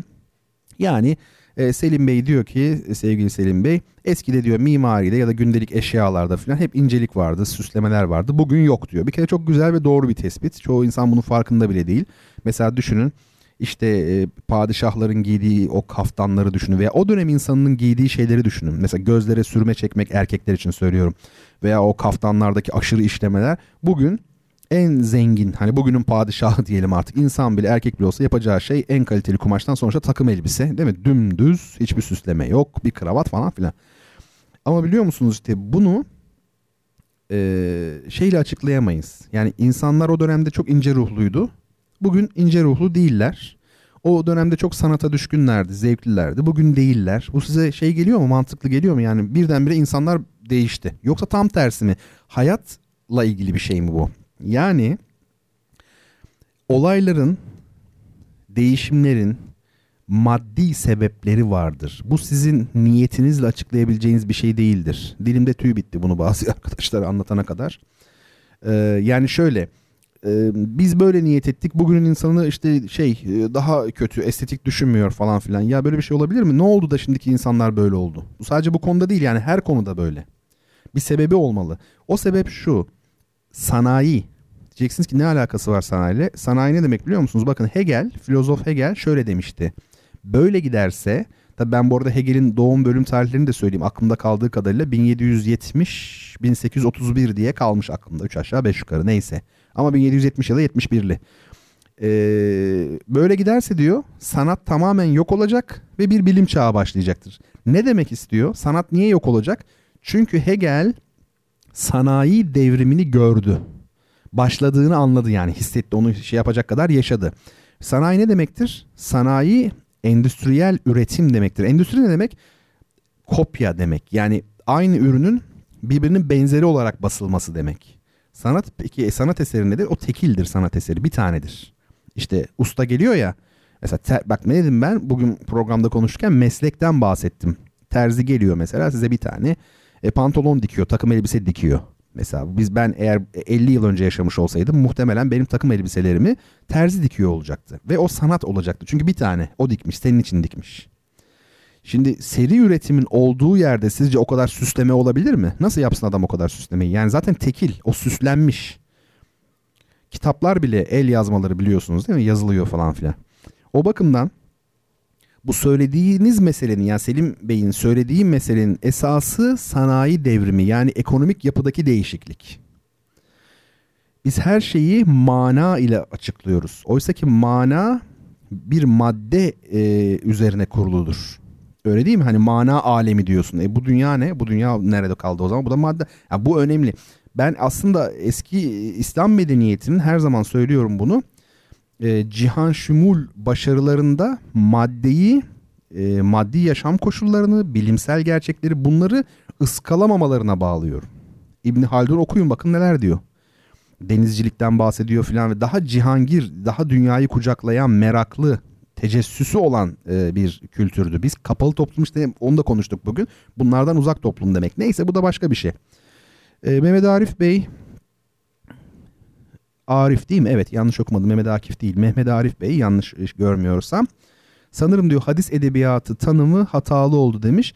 Ee, şöyle e, keşke hatalı olsa yani hatalı olsa sevinirim çünkü ben Benim şöyle bir şanssızlığım var. Derslerde falan da mesela konuşuyorum, anlatıyorum. Sonra ders bittiğinde bakıyorum o geceden en az karlı çıkmış olan ben oluyorum. Yani en az e, öğrenen ben olmuş oluyorum. Ben de gerçi öğrencilerimden çok şey öğreniyorum ama hani keşke diyorum ya başkası anlatsa ben öğrensem mesela. E, o bakımdan şeyi çok seviyorum. Yani hatam varsa söylensin hocam şu şöyle falan bayılırım öyle şeylere. Ancak burada öyle bir durum yok. Yani hadis edebiyatı derken biliyorsunuz edebiyat kelimesinin iki anlamı var. Bir tanesi bildiğimiz edebiyat. Bir tanesi de literatür. Yani literatür derken şu mesela siz satranç edebiyatı diyebilirsiniz. Ne demek satranç edebiyatı? Satrançla ilgili olarak oynanmış bütün oyunlar, yazılmış bütün partiler, notasyonlar, bütün maçlar yani yazılmış kitaplar bunların tamamına satranç literatürü denir. Yani o alanda ortaya konmuş birikimin tamamı yazılı birikim yani tabii. O bakımdan burada hadis edebiyatı derken yani hadis bir bilim. E, o biliminde edebiyatı var kendine yani değil mi? Şerhleri var, bilmem nesi var, sünneni var, o, var oğlu var şimdi yani ben de biliyorum bir kısmını da. E, burada kastettiğim hadis edebiyatında o edebiyat yani onun birikimi yani literatürü. Biliyor musunuz bu e, literatür kelimesine yani literatür edebiyat demektir. Literatür kelimesine verilen bu iki anlam şeyde de çok büyük karışıklığa sebep olmuştur. Lenin'in, Sovyetler Birliği'nin kurucusu Lenin'in bir kitabı vardır. Proletarya kültürü diye. Parti kültürü mü? Pardon karıştırıyorum ya hatırlamıyorum. Parti kültürü galiba. O dönemde işte burada e, Lenin şeyle e, literatürle neyi kastetti? Yani parti literatürü derken parti edebiyatını mı kastetti? Yani bildiğimiz anlamda edebiyat. O zaman şu sonuç çıkıyor çünkü. Sovyetler Birliği'ndeki bütün edebiyat çalışmalarına, şairlere, romancılara falan, falan hepsinde parti Sovyetler Birliği Partisi şey yapacak. Müdahale edecek çünkü. Bak ne diyor? Parti edebiyat. Yoksa diyor ikinci anlamı mı söyledi? Yani partinin kendi siyasi yazışmalarının toplamı mı mesela diyor. Yani bunu Mehmet Arif Bey için söylüyorum. Yani o edebiyat kelimesinin yani literatür kelimesinin ikili anlamı tarihte çok ilginç e, tartışmalara da yol açmıştır. Yani kafa karışıklığına onu söyleyeyim. Yani benim kullandığım öbürü olduğu için bir e, sıkıntı yok. Peki başka soru var mı? Bir bakayım ben bu kadar gevezelik ederken. Herhalde uyuttum hepinizi yani artık. Konuşarak öldürecek bu adam bizi diyebilirsiniz. Hayır yani soru kalmasın diye. Mehmet Emin Bey hocam benim sorduğum soruyu atladınız mı diyor. O an meşgul oldum diyor ben bir an. E, neydi o soru bir daha hatırlatırsanız çok memnun olurum. Şimdi size bir şiir okuyayım her gece okuyoruz şeyde her programda aşağı yukarı. Sayfa 285. Bakayım okuyayım bilen çıkacak mı? Hadi böyle bir şey yapalım bugün. Hiç yapmadık bugüne kadar. Yazar şeyi şairini söylemeyeyim. Ee, bakalım bunu bilecek olan var mı? Tabi şeye yazmayın yani Google'a yazmayın. Gerçekten bileni merak ediyorum. Peki şöyle şiir aşka dair. Kapılmadıkça ora arar sivri uçları gövdeni sokak kalabalığında. Yok sevgili gibi yok yalnız kaldın. Bu ağır yükü tek başına taşıdın taşıdın hülyaya daldın. Diren su çok benizli at nal sesi bırakmadan evlerimizin kaslarına. Karşı geliyor gövdenin ıhlamur yumuşatmasına yolladıkları. O yollar ince, urgan dövünmeler, yorgan altında fokurdayan kızamıklı çocuklar. Aşka dair sus, diren su, kas elimi, avucum omuzlarında. Ve aşktır ha, kanadını yayıyor, ün içinde güvenerek adını koyuyor ortaya. Aşkla yap yalnızdım ben, dört tabuta benzeyen odada. Sıkılarak birbirimizden, vurmaktan yorulmuş kıyı kayalarına. Bir kadın akmasaydı, tarihi gergedan yolu ormanlarda. Gelerek biraz yıkan, biraz uyu, biraz kok. Kırk lokma bir damla. Kan, kırk damla. Giderek, hayır kalbim, yorulmadın, hayır, hayır. Yıkıl daha.'' Bu çok feciymiş ya. Ben de okudum şimdi bir acayip oldum yani. Benim bildiğim bir şiirdir zaten bu da. Ama nedense bir kere daha çok etkilendim. Bu hakikaten inanılmaz bir dil.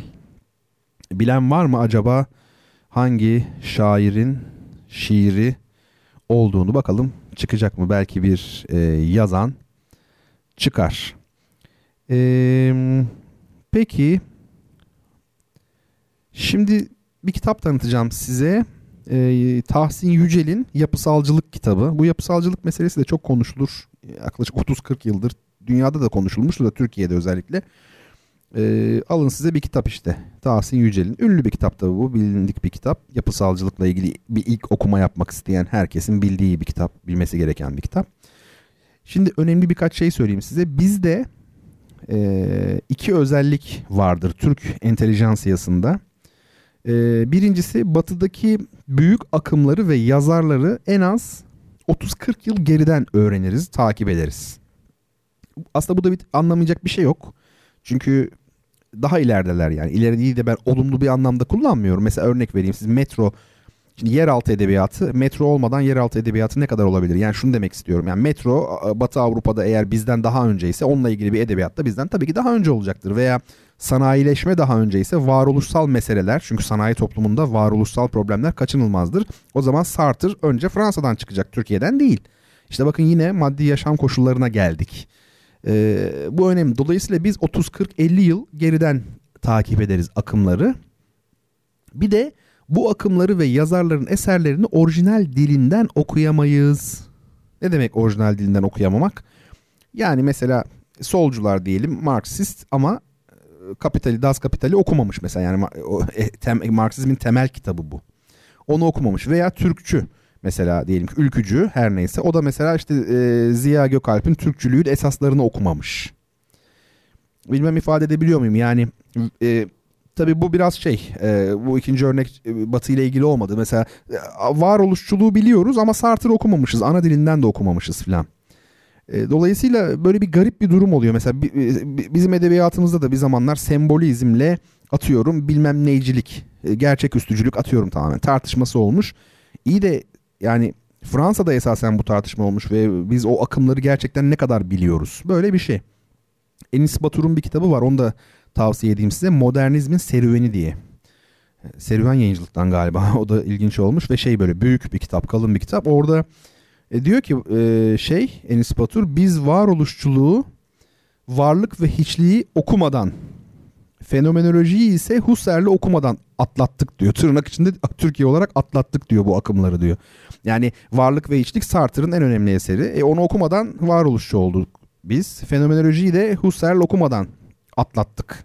Atlatmak çok güzel. Ee, benim e, bak şöyle bir şey var. Benimsemeseniz, eleştirseniz bile aynı durum geçerli. Ya yani illaki o akıma mensup olmanız gerekmiyor. Mesela Batı'yı eleştiren çok insan var bugün Türkiye'de. Ama mesela nereden eleştiriyor? Cemil Meriç'ten okumuş.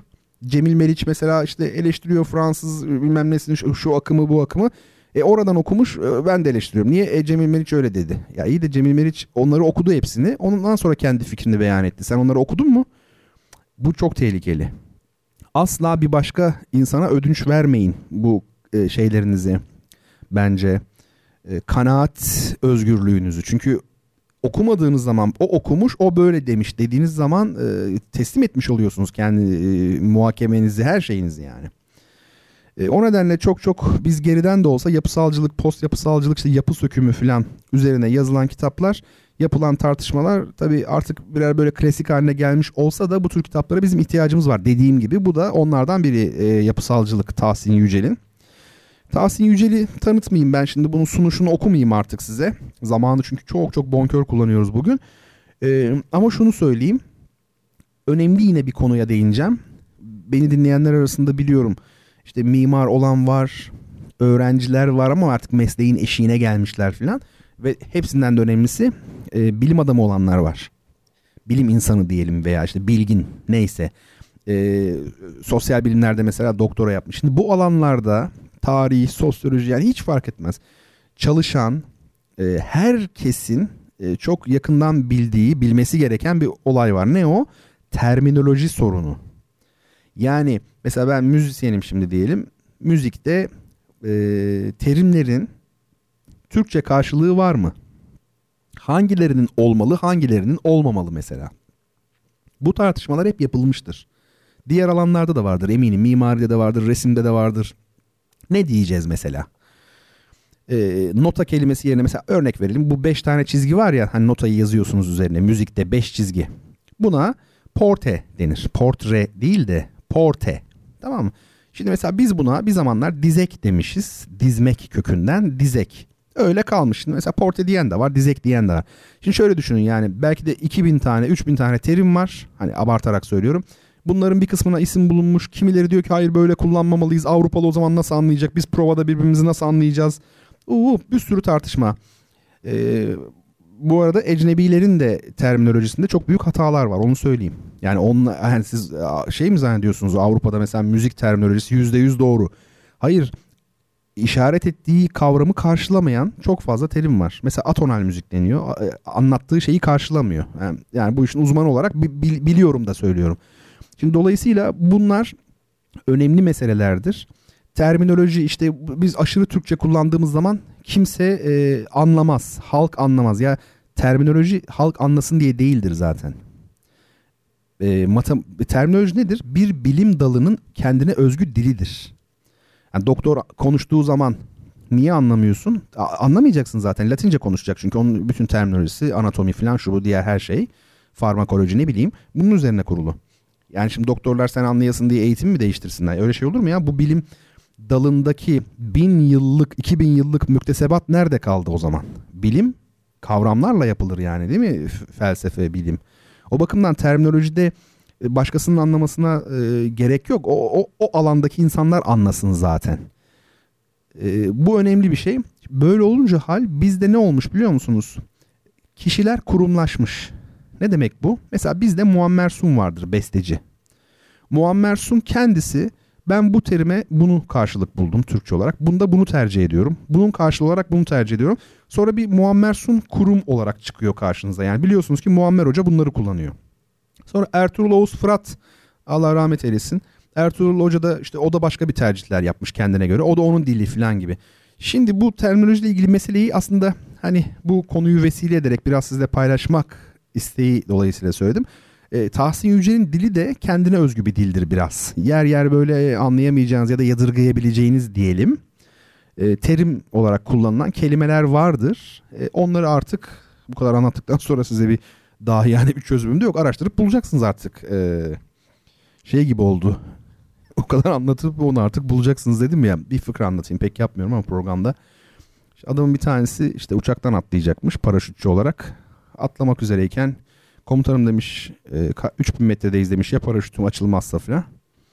E, o zaman demiş atladıktan sonra zaten işte 1500 metreye gelmişsindir demiş. İkinci paraşütü açarsın demiş. Ya o da açılmazsa demiş. E o zaman demiş artık işte 700 metrede falan olman lazım demiş. Yani düşüyorsun ya aşağı. E, bir tane daha var onu açarsın. E o da açılmazsa demiş. Ya zaten o zaman demiş 20 metrede falansın da oradan da aşağı atlarsın demiş. Şimdi bunun gibi oldu. Ee, siz de bakarsınız artık yani o kelimeler ne demektir. Çok zordur yani onu da söyleyeyim. Peki şimdi programımızın heyecanlı yerine geliyoruz. Bakın görüyorsunuz değil mi? Zaman problemimiz olmasa Bertan Rola neler döktürüyor programda. Ne kadar değil mi? Dolu dolu rahat rahat konuşuyoruz. Ya da hepiniz uyudunuz ben tek başıma şizofren olarak yani şey konuşuyorum. Peki soru. Bak sorunun güzelliğine bakın. Bir dizi adadan oluşan Büyük Okyanus'un ortasındaki izole konumuyla dikkat çeken, bütün kıtalara en uzak noktalardan biri olan ve tarih değiştirme çizgisine sınırı olduğu için yeni yıla giren ilk ülke olan Adalar dizisinin adı nedir? Soru bu kardeşim. Bir daha da okumayayım çok uzun çünkü. Şimdi biz bir müzik dinleyelim. İsterseniz şöyle yapalım. Müziğimizi şimdi dinleyelim müzik hakkında da bu çalacağım müzik hakkında dönüşte konuşuruz. Ben anonsa etmeyeyim size ne olduğunu. Hadi bakalım dinliyoruz. Arkasından tekrar toplaşıyoruz. Burada buluşuyoruz.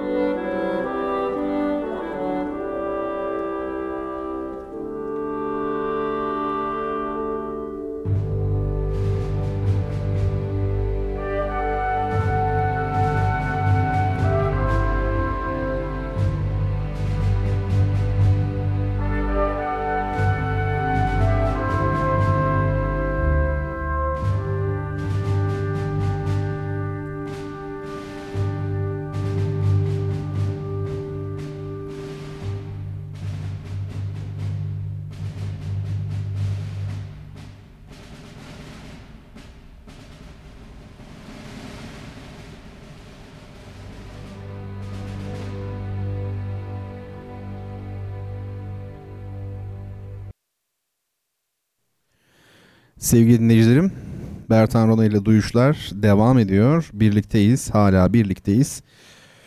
Az önce bir soru sordum ve sizler de Twitter üzerinden cevap verdiniz. Kitap hediyeli bir soruydu bu. Ee, cevabını söylemeyeceğim. Söylemeyeyim biraz kıvrandırayım. Normalde öyle bir sadist yönüm yoktur ama kıvrandırayım bu defa. Çünkü önce şu müzik üzerine konuşmak istiyorum. Çalan müzik var ya tabii belki de doğru cevabı vermek için müziği ıskaladınız mı dinlemediniz mi bilmiyorum. Bence dinleyin. Yani öyle hakikaten iyi müzikler seçiyorum. Şöyle bu müzik gerçi öyle çok böyle sanatsal şeyi çıtası yüksekte bir müzik değildi ama film müziği bu. Ama film müziği de önemli bir alan. Ben hep söylerim yani her işin kalitelisi olmalı. Yani film müziği ya pop müzik ya tamam da pop müziğin de kalitelisi var. Eskiden varmış değil mi? Yani Fikret Kızıloklar falan daha önceleri daha da evvel ondan. Neler neler. E şimdiki pop müziğe bakın rezalet. Hangisi daha iyi? O zaman iyi yapılsın. Pop müzik de iyi yapılsın yani. E, o bakımdan film müziği çok şey önemli aslında. Dünyada çok önem verilen bir şey. Alan. Sevgili dinleyicilerimden ve takipçilerimden Muhammed Ali Kızılyer beyefendi var. O geçen gece e, bir şey e, danışmıştı bana Twitter üzerinden. Ben yatmaya hazırlanırken mesaj yazarak. E, bir YouTube'dan bir şey paylaşmış benimle. Hani var ya biliyorsunuzdur bir müzik çalıyor. Beethoven, Mozart bir şey yani neyse o. E, onun böyle şeyini vermişler. Görselini veriyorlar. Seslerin inceliğine kalınlığına göre böyle bir grafik bir şekiller çıkıyor falan. E, Muhammed Ali Kızılyer beyefendi de demiş ki hocam e, Beethoven müziğini bu görsellerle dinleyelim mi demiş. Anlamayı kolaylaştırıyor e, deniyor diye sormuş. Ben de e, kendisine şöyle cevap verdim. O görseller benim müziği dinlememi engelliyor aslında dedim. Çünkü asıl gözümü kapatıp dinlemeliyim ki o müzik bana kendi görselini sunsun. Bakın edebiyat da olsa, müzik de olsa görsellikten azade bir sanat dalı yoktur. Sorsak çoğu kişi edebiyat nedir diye ses midir? Ses derler belki bir işi bilenler ama e, şiir sestir ama edebiyat görüntüdür. Çünkü siz romanı okuduğunuz zaman düz yazı olarak yani Nesir'den bahsediyorum. Romanda hayal edersiniz değil mi? Ya da İlyada'nın filancasını okuyorsunuz. Yani lirik şiir dışında galiba edebiyatın neredeyse tamamı hep görselliktir. Tiyatro mesela dram sanatı yani o da bir edebiyat dalı filan. Ee, o bakımdan şimdi ben o şeylere grafiklere bakacağım diye Beethoven'la beraber yaptıkları o grafiklere bakacağım diye e, müziği dinleyemiyorum. Yukarı mı çıktı aşağı mı indi falan. Halbuki sadece Beethoven dinlesem zaten o kendisi bana bir şey anlatacak yani. Ben o bakımdan müziği anlamak için görsele çevirmeye ihtiyaç olmadığı kanaatindeyim. En azından bu e, kapsamda. Öyle söyleyeyim. John Williams'ın ünlü Amerikalı film müziği bestecisi John Williams'ın bu alanda en önemli isim denir onun için. Er Ryan'ı kurtarmak filminin müziği. Private Ryan, e, Ryan vardı ya bu private kelimesi ilginçtir. Yani hem özel demektir hem de er yani değil mi? Asker er anlamına gelir. Allah Allah özelle er ne demek? E, çünkü e, private official'dan kesilmiş de o yüzden bir zamanlar yani private yani ne demek bu? Özel görevli e, ama me, su, subay gibi yani özel subay gibi yani arada öyle bir bağ var. Yoksa değil mi erle özel ne demek private böyle ilginç dil garip bir olaydır. Peki sorunun cevabına gelelim. Sorumuzun cevabı Kiribati. Evet doğru cevap bu. Niye bilmiyorum bu Kiribati ismi beni her zaman heyecanlandırmıştır. Yani ismi derken çok izole bir yer. Island kelimesi var ya o da izole. Yani hep böyle okyanus çok bahsederim ben. Ee, bilirsiniz takip edenler bilirler. Değil mi? Böyle okyanus önemlidir. Ütopya önemlidir. Keşif önemlidir. Dünya tarihine denizcilik yön vermiştir falan filan. İşte o, öyle bir konumu var ki Atlas Okyanusu'nun tam ortasında neredeyse filan böyle çok aşırı izole e, bir yer Kiribati. Doğru cevap Kiribati. Açıkçası şöyle şimdi e, cevaplar var tabii. Mesela Kiribati ve Samoa adaları demiş Abdullah Turgut Bey. Sonra da çok zarif bir şekilde hocam doğru cevap buysa e, ben kitap almıştım başka bir arkadaşa verelim demiş sağ olsun. Şöyle ya kitap işin esprisi tabii alırız almayı kitap dediğiniz nedir ki? Alınır yani. Ee, şöyle adının tam olarak Kiribati ve Samoa adaları diye mi geçiyor yoksa direkt Kiribati diye mi geçiyor onu tam olarak bilmiyorum. Ben aslında bu soruyu yazarken hiçbir yere bakmadım kendi bilgimle yazdım öyle kalmış aklımda. Kiribati cevabını istemiştim. O bakımdan çeşitli cevaplar var. Avustralya var, Yeni Zelanda var. Tahmin ettim tabii hani Yeni Zelanda yan, şey yanıltıcı seçenek var ya böyle şeyler. Ee, ben bu geceki kitap hediyemi sevgili Burcu Ece Korkmaz'a göndereceğim. Ee, o çünkü direkt Kiribati yazmış. Sadece bu kadar benim istediğim gibi. Öyle yapalım bu haftalık öyle olsun. Ee, şimdi başka sorular sorular. Ha bir de şu vardı. Cahit Zarifoğlu diye bilenler olmuş. Ayşegül Ayar, Nur Bozgeyik ve Ferah Feza rumuzuyla ben eski modelim rumuz diyorum nickname e, ile yazan arkadaşlarımız e, Ca, Cahit Zarif Zarifoğlu demişler. Doğru Cahit Zarifoğlu'nun bir şiiriydi. Olağanüstü bir dili olan bir şeydi. Şiirdi. Ramazan Bey de aynı şekilde. Muammer Bey de kuzucu. O da e, Cahit Zarifoğlu demiş. Ha pardon Muammer Bey şöyle bir e, soru sormuş. Yok hocam uyutmadınız demiş. İyi çok güzel uyutmadıysa Antalya'dan dinliyorum. Çok teşekkürler. Ben teşekkür ederim. Hocam şahsın bir sanat eseri üretmesinde veya sanatçı olmasında felsefi birikimin doğrudan etkisi var mıdır? Vardır tabii. Ya doğrudan derken dolaylı etkisi vardır diyelim. Şöyle asla hani büyük sanatçılar mutlaka çok büyük düşünce insanı olmalıdırlar. Mecburen bu böyledir e, anlamına gelmesin bu söylediklerim. Öyle sanatçılar vardır ki kendileri entelektüel insanlar değildirler. E, düşünür değildirler. Ama şunu söyleyeyim. Bir sanatçının eserinde düşünsel derinlik yoksa eserlerinde o bir şeye döner. Süslemeye döner, sih- sihirbazlığa döner. Anlatabiliyor muyum? Böyle bir gösteriye, şova dön- dönüşür. Büyük eserleri büyük eser yapan şey zaten daha e, şey olması. Aa, nasıl anlatayım? Yüzyılları aşarak bugüne kadar kalmasında o derinliğin etkisi var zaten. O bakımdan e, büyük sanatçıların ben her zaman tamam zanaatçı da olacak ama sanatçı da olacak. Belki de aradaki ayrım bu işte. Yani sanatçıyla zanaatçıyı ayıran şey ne? Bir adam çok zanaatkar olarak üstad olabilir. Mesela müzikte çok iyi orkestrasyon yapabilir. Var öyle insanlar biliyor musunuz? Orkestralamayı çok iyi yapıyor. Ama besteci değil. E ne fark var? Yani mimarla mühendis arasında ne fark varsa o fark var işte. Dolayısıyla düşünce çok önemli. Ben bir zamanlar şöyle yazmıştım, bir not almıştım bir yere. Ee, bir e, sanatçı için en büyük tehlike e, filozof olamamaktır. Ama ikinci büyük tehlike sadece filozof olmaktır. Yani şunu demek istiyorum. Sanatçı olacaksın ama düşünsel derinliğin de olacak. E, bu önemli. Ludwig, Ludwig van Beethoven veya e, Johann Sebastian Bach'ı dinlediğiniz zaman bunu görürsünüz. Bir de şöyle bir şey var. Aslında e, felsefe zannedildiğinden daha çok sezgi işidir.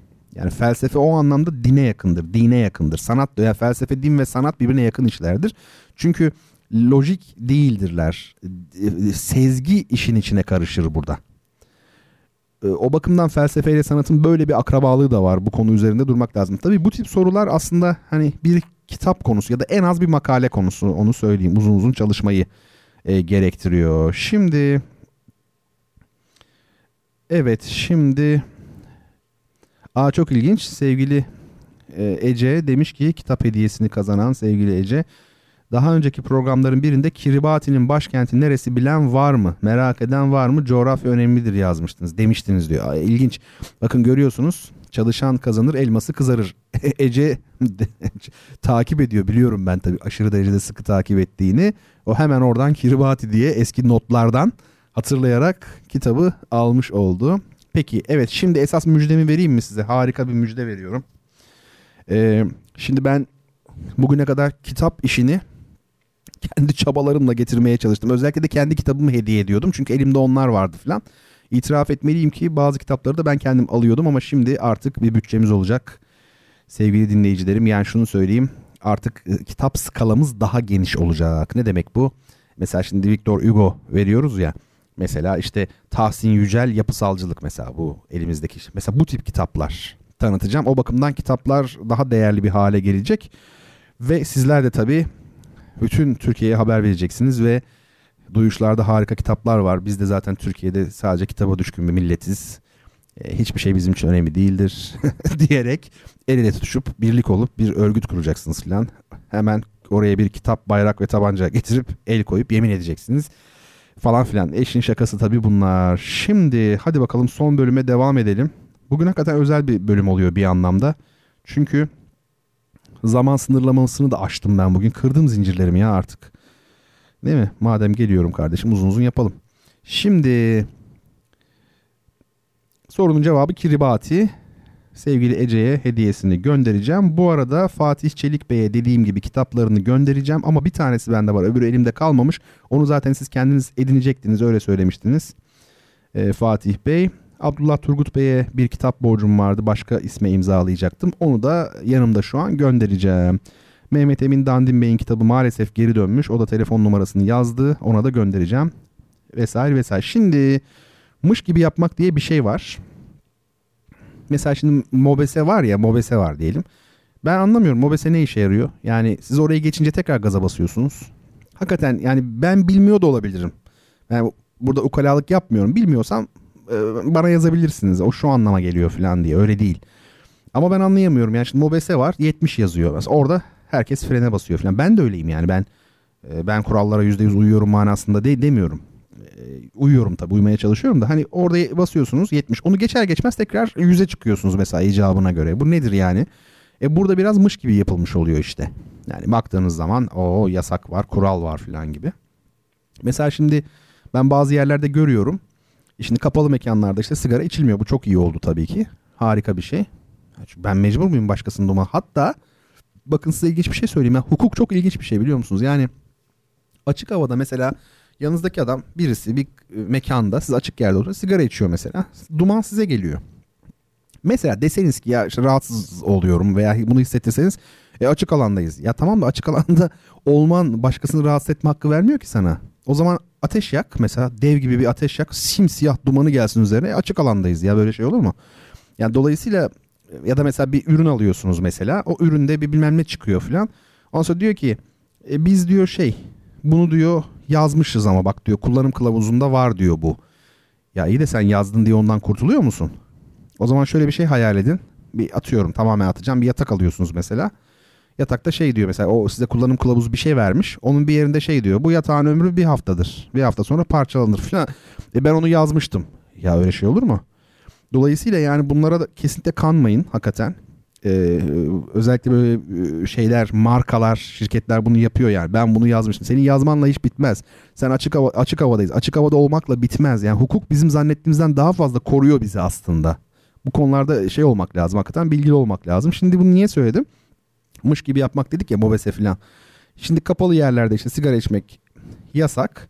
Tabii ne oluyor? Zabıta denetliyor tabii haklı olarak orayı. Ondan sonra e şimdi ben bazen bakıyorum. E, şimdi kül tablası tabii koyamıyor işletmeci.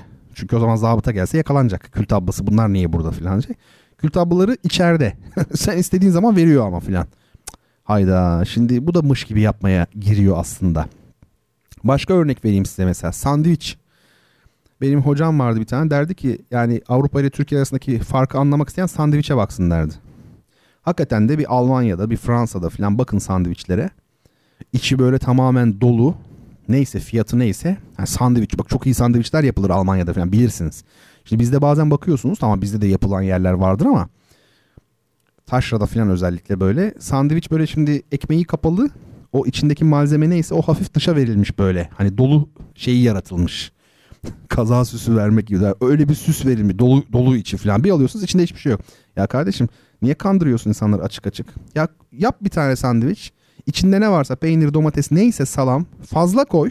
Adam akıllı koy. Gerçekten koy yani. Ve fiyatı da onun iki katına çıkar gerekiyorsa. Anlatabiliyor muyum? İşte o da mış gibi yapmak oluyor. Mış gibi yapmak önemlidir. Yapmamak değildir çünkü. Mesela ben hep örnek veririm debelenmek. Şimdi debelenmekte bakın bunu hiç unutmayın ne olur hayat boyu. Ben yazacağım bunları kitap olarak o zamanlar alırsınız. Aa bu adam bunu söylemişti falan dersiniz. Mesela debelenme olduğu zaman bir yerde biri debeleniyor mesela. Dikkat edin hareket var mı? E, var çünkü debeleniyor yani oturmuyor adam debeleniyor ama ilerleme var mı? Yok. İşte mış gibi yapmak. Yani ikisi de değil ortası. Üçüncü durum. Mış gibi yapıyor. Efendime söyleyeyim. Şimdi biz de mesela bazen bakıyorsunuz ülke olarak işte Mobese mış gibi, şu kül tablası mış gibi, sandviç mış gibi, bütün ülke o zaman mış gibi oluyor işte. O yüzden ilerleyemiyorsun zaten. E, bu önemli. Bazen hani biraz sert eleştiriyorum ama hakikaten şey öyle. Mesela bizim alandan bir örnek vereyim. Operada, devlet opera ve balesinde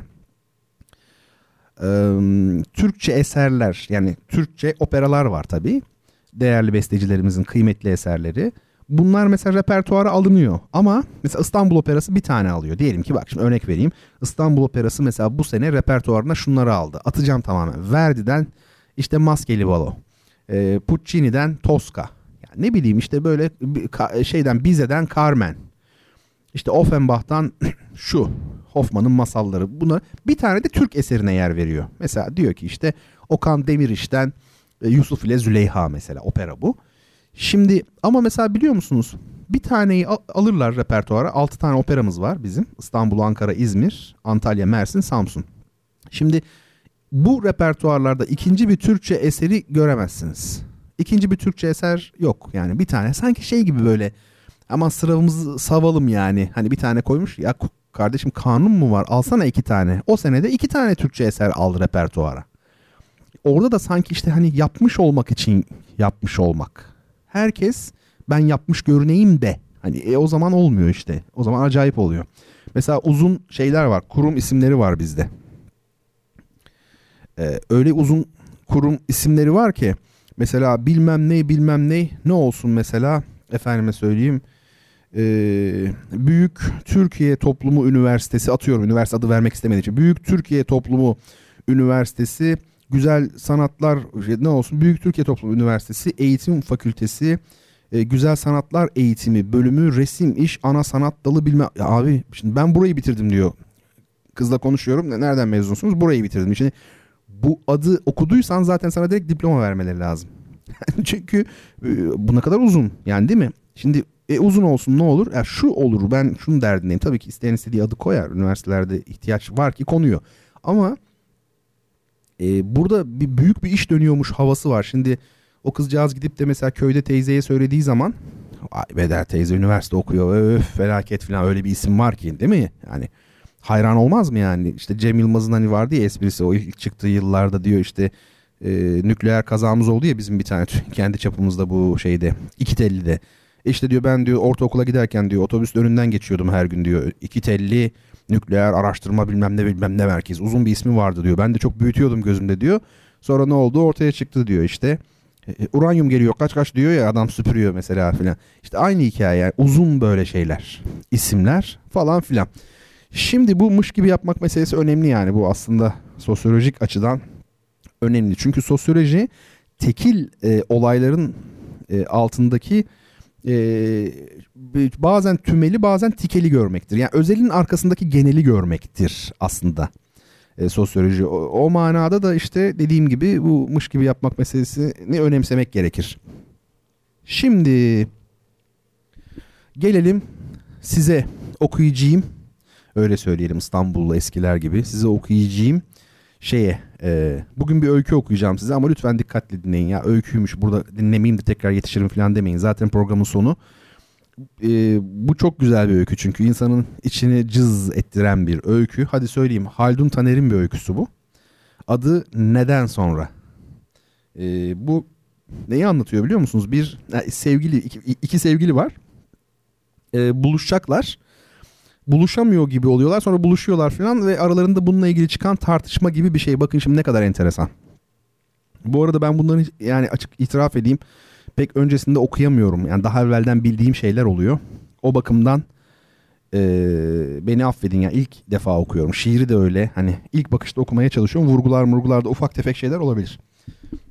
Peki efendim öykümüz şöyle. Neden sonra? Güya iki buçuk matinesi için sözleşmişlerdi. Halbuki saat üçü çeyrek geçiyordu.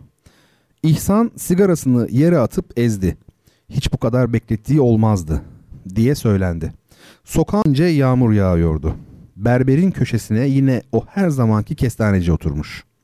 Genç adam sinemanın basamaklarını indi. Karşı sokağa dalıp caddeye çıktı. Beyazıt Meydanı yağmurun altında pırıl pırıl parlıyordu. Caddeden tramvaylar geçiyor. Camları buğulanmış otobüsler müşterilerini bırakıp acele acele yollarına gidiyorlardı. İhsan ıslak kaldırımın üstünde bir aşağı beş yukarı dolaşmaya başladı. Her seferinde bir Topkapı arabası daha beklerim. Bundan da çıkmazsa çeker giderim diye karar veriyor. Fakat Melahat gelen tramvaydan çıkmayınca yine de ayrılıp bir yere gidemiyordu. Gözleri Aksaray yolunda Bir çeyrek daha bekledi. Üç buçuk olunca ümidi büsbütün kesti. Belli ki artık gelmeyecekti. Kız onu düpedüz ekmişti işte. Bunda anlaşılmayacak bir şey yoktu. Zaten geçen defa muhallebicide kapısını yapmamış mıydı? Mantosunun düğmesiyle sinirli sinirli oynayarak İhsan demişti. Annem duymuş gezdiğimizi. Eniştemin kardeşi gördüydü ya bizi Alemdar'da. Artık beni sokağa bırakmıyorlar. Teyzeme diye kaçamak geldim bugün. İhsan o gün bu sözlere ehemmiyet vermemişti. Kadın milleti değil mi? Numara yapmasalar işleri rast gitmez diye düşünmüştü. Şimdi görüyordu ki o sözlerin altında başka manalar saklıymış. Demek buymuş sonunda yapacağı. Zaten arkadaşlar çıtlatmışlardı da o inanmak istememişti. Ona bahçe kapısında manifaturacılık eden varlıklı bir talipten bahsetmiş. Bir de Melahat'in mahallesinde oturan uzun boylu bir tıp talebesini göstermişlerdi. O bunu çoktan anlamalıydı. Anlamalı da kendiliğinden çekilmeliydi. Olmamıştı işte. Yapamamıştı. Nah kafa. O anda gözünün önüne Melahat'in hayali geldi. Kızı o kendinden emin uzun boylu tıbbiyelinin koluna asılmış Beyoğlu sinemalarının resimlerine bakarken görür gibi oldu. Kim bilir belki de şimdi o züppeyle. Halbuki o burada cebinde loca bileti rezil gibi bekliyordu. Birden şakaklarının zonkladığını hissetti. Yağmur şimdi daha da şiddetlenmişti. Islak bulutlar adeta damlara sürtünmek ister gibi alçaktan alçaktan uçuşuyorlardı. İhsan bırakırlar mı hiç sana diye düşündü. Alemin güp güzel kızını hiç bırakırlar mı sana? Elinde bir lise diploman bile yok. Yarın askere gittin mi neferi merkumsun sağlam. O zaman insanı birinciye de bindirmezler. Bir de kalkmış elin beyzadeleriyle aşık atarsın. Bir yantinli saçlarından ensesine süzülen yağmuru unutmuştu bile. İki kere arka arkaya hapşırınca aklı başına geldi. Basıp gitsem ya artık ne duruyorum diye kendine kızdı. Durak yerinde 5-6 kişi tramvay bekliyorlardı. Onların arasına karıştı. Fakat tam o sırada Melahat'ın karşı kaldırımdan koşa koşa geldiğini gördü.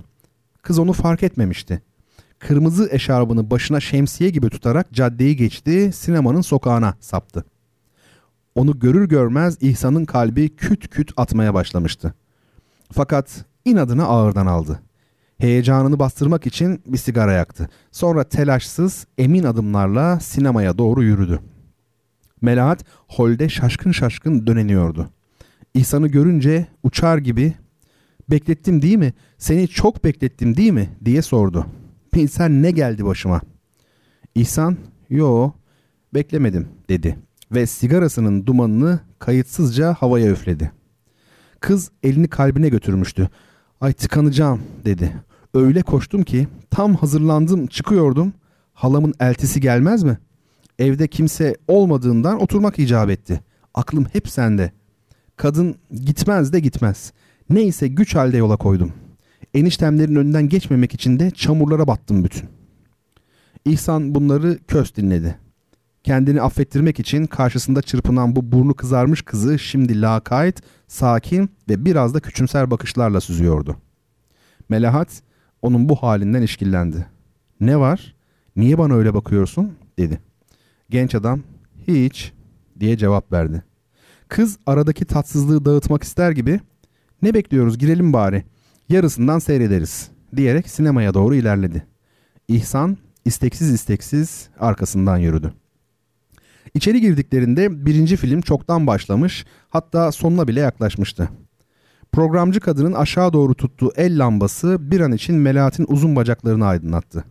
Kızın ipek çorapları püskürtme çamur içinde kalmıştı. Kadın locanın kapısını üzerlerine kapayınca ıslak paltolarını çıkarıp yan yana fakat hayli aralıkla oturdular. Melahat sert bir baş hareketiyle saçlarını arkaya atıp ensesine dökülen buklelerini kabarttı.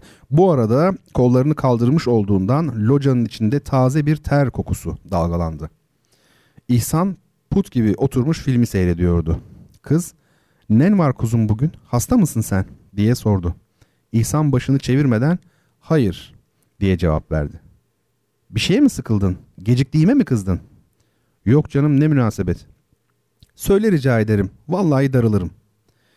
Önlerindeki sıralardan bir adam başını kaldırıp onların locasına doğru baktı. Melahat sesini alçattı. Ölümü öp söylemezsen. Ne oldu? Biri sana beni mi çekiştirdi? İhsan cevap vermedi. Perdede şimdi yüzü çilli bir çocuk babasına sarılmış ağlayarak bir şeyler anlatıyordu. Melahat, beni bugün surat etmek için mi çağırdın? Ben de çıkar giderim dedi ve çıkıp gidebileceğini göstermek ister gibi asılı mantosuna baktı. İhsan gözü hep perdede olduğu halde bırak da filmi seyredelim diye söylendi. Ya öyle mi? Pekala dedi Melahat ve hiddetten soluyarak ayak ayak üstüne atıp sustu. İhsan onun yüzünü görmüyordu ama şimdi burun kanatlarının titrediğini ve sinirli sinirli dudaklarını kemirdiğini gayet iyi biliyordu.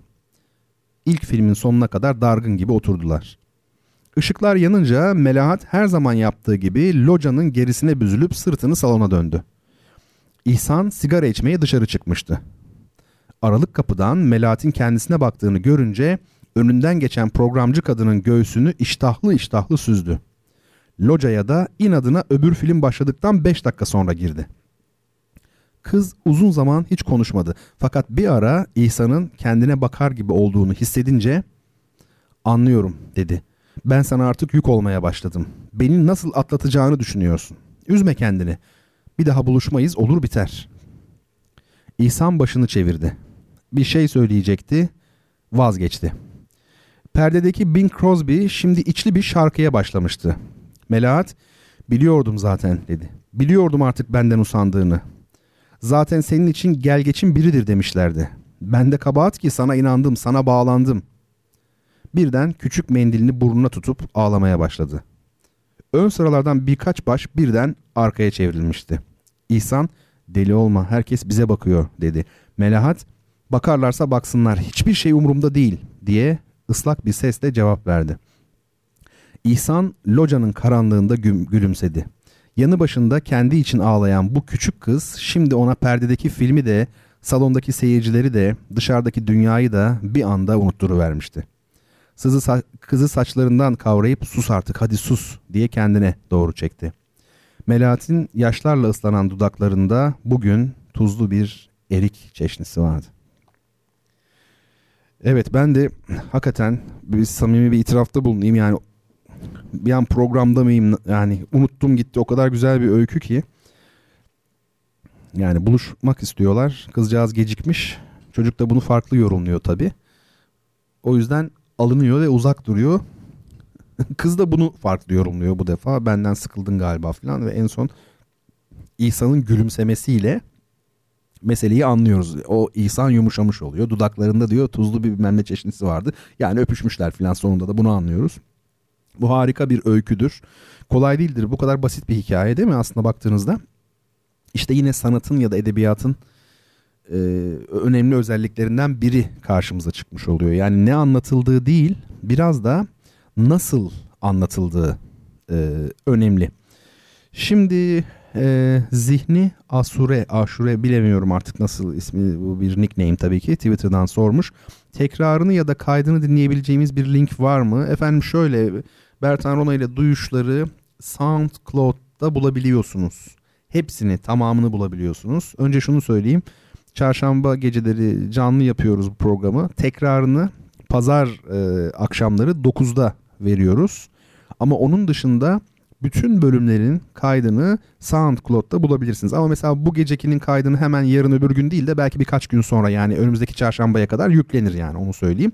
Oradan efendim dinleyebilirsiniz. Atladığım soru varsa lütfen ulaşın bana şimdiden hemen. Ben çünkü programı kapatmak üzereyim. Hani cevaplamadığım bir soru bir şey var mı? Ee, Mehmet Emin Bey'in galiba soruları vardı. Kaçırdınız mı kaçırmadınız mı demişti. Tamam peki şimdi bir bakalım notlarıma değinmek istediğim başka bir mesele var mı? Evet şimdi e, müziğimizi çalacağız. Kerem Görsev'in Hands and Lips albümünden yani işte Eller ve Dudaklar albümünden Glows. Gloves biliyorsunuz şey demek bu eldiven demek. Ee, bu parçayı dinleyeceğiz. Bu gece epeyce bir konuştuk hakikaten. Konuşmak deyince de aklıma geldi. Size son küçük böyle fıkramsı bir şey anlatayım da. Ee, öyle bitirelim. Ee, bir karı koca varmış 90 yaşında ve 20 yaşında evlenmişler. Yani 70 yıllık evliler tabii. Bu yani egzajere rakamlar bunlar tabii fıkra olsun diye ama öyle düşüneceğiz şimdi işte. 20 yaşında evlenmişler. Yaşları 90'a gelmiş yani 70 yıllık evliler ve boşanma talebiyle mahkemeye başvurmuşlar. Ee, hakim ya da hakime e, bilmiyoruz tabii kim olduğunu. E, demiş ki e, ya demiş siz 90 yaşındasınız artık demiş 70 yıllık evlisiniz bu nasıl iş? Bu yaşta demiş boşanılır mı yani e, yapmayın falan filan. Ondan sonra teyze demiş e, anlat bakayım demiş senin ne şikayetin var demiş. Niye boşanmak istiyorsun demiş. Tabii kadın herhalde mahkemeye başvuruyor teyze başvuruyor. İşte niye boşanmak istiyorsun demiş ki teyze e, ah evladım demiş. Bu adamla demiş biz e, 70 yıldır evliyiz. 70 e, yıl boyunca ağzını açıp e, bana tek bir kelime söylemedi demiş. yani 70 yıldır konuşmuyormuş amca. Ondan sonra şaşırmış tabii hakim ya da hakime neyse. Demiş ki böyle mi doğru mu demiş yani niye konuşmadınız demiş 70 yıl boyunca. O da bakmış şöyle sözünü kesmek istemedim efendim demiş. böyle esprileri seviyorum soğuk. Yani soğuk olacak böyle İngiliz tarzında ama güzel oluyor. Yani sözünü kesmek istemedim demiş yani o yüzden konuşmadım. Peki hadi bakalım. Fıkraları pek nadiren anlatıyorum ama bugün iki tane oldu. Öyle işte hayat böyle bir şey. Şimdi yine her zaman olduğu gibi e, ayrılıyoruz artık. E, uyuyorsunuz falan. Ben de işte bir kayıt var şimdi içeride onu yapacağım. Ondan sonra ev, evime gitmek zorundayım yani evime gideceğim. Ya, sokakta yatamam. Ondan sonra da yarın herkes kendi işinde gücünde koşturacaksınız falan. Bunlar burada kalacak bu anlattıklarımız ama kalmasın yani aklınızın içinde bir yerlerde olsun düşünün bence. Ondan sonra haftaya tekrar toplaşacağız. Çarşamba 22'de e, birlikte olacağız. Bunun gibi şeylerden, konulardan bahsedeceğiz. Bana eğer varsa ya hocam şu konudan bahsedelim biraz, şundan bahsedelim diye lütfen yazın. Sıkıntı değil ya ben ona şey yaparım, e, not alırım. Önümüzdeki hafta bakarız. Mehmet Emin Dandin Bey hocam haftaya kaldı herhalde diyor. Mehmet Emin Bey yani inanın ki buradan şimdi ekrandan bakıp takip etmek o kadar zor ki e, neyin haftaya kaldığını bile bilmiyorum ama kaldıysa ben notumu almışımdır ya da alacağım atlamam yani hiç merak etmeyin sorularınıza mutlaka cevap vereceğim. Dediğim gibi hafta içerisinde her şeyi yazabilirsiniz. Efendim bizden bu gecelik bu kadar. E, haftaya çarşamba gecesi saat 22'de inşallah yepyeni bir duyuşlar programında sizlerle birlikte olabilmeyi diliyorum. Görüşene dek efendim hepiniz esen kalınız.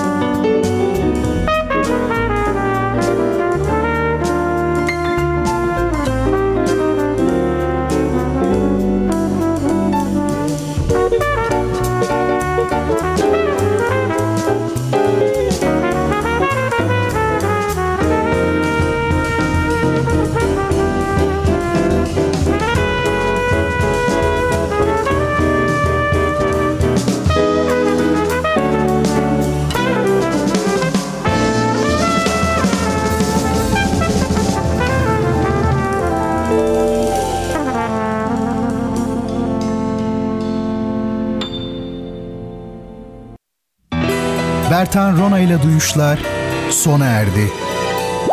Bu program hakkındaki düşüncelerinizi dinleyen et radyogercek.com adresine mail atarak bize ulaştırabilirsiniz. Dinlemiş olduğunuz programda ürün yerleştirme yapılmıştır.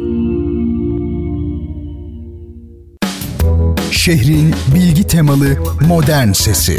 Radyo Gerçek.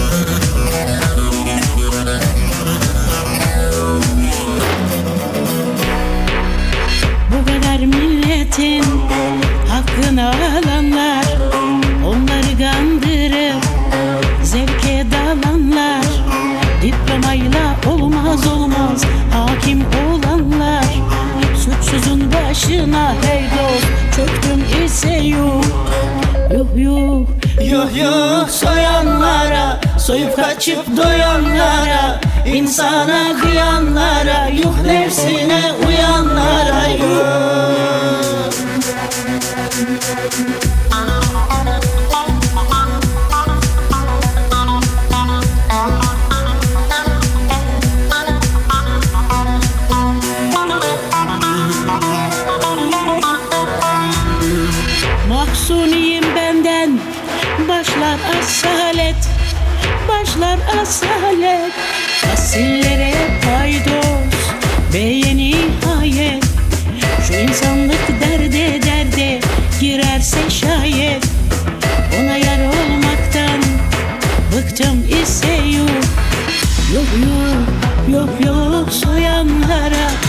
kaçıp duyanlara insana kıyanlara.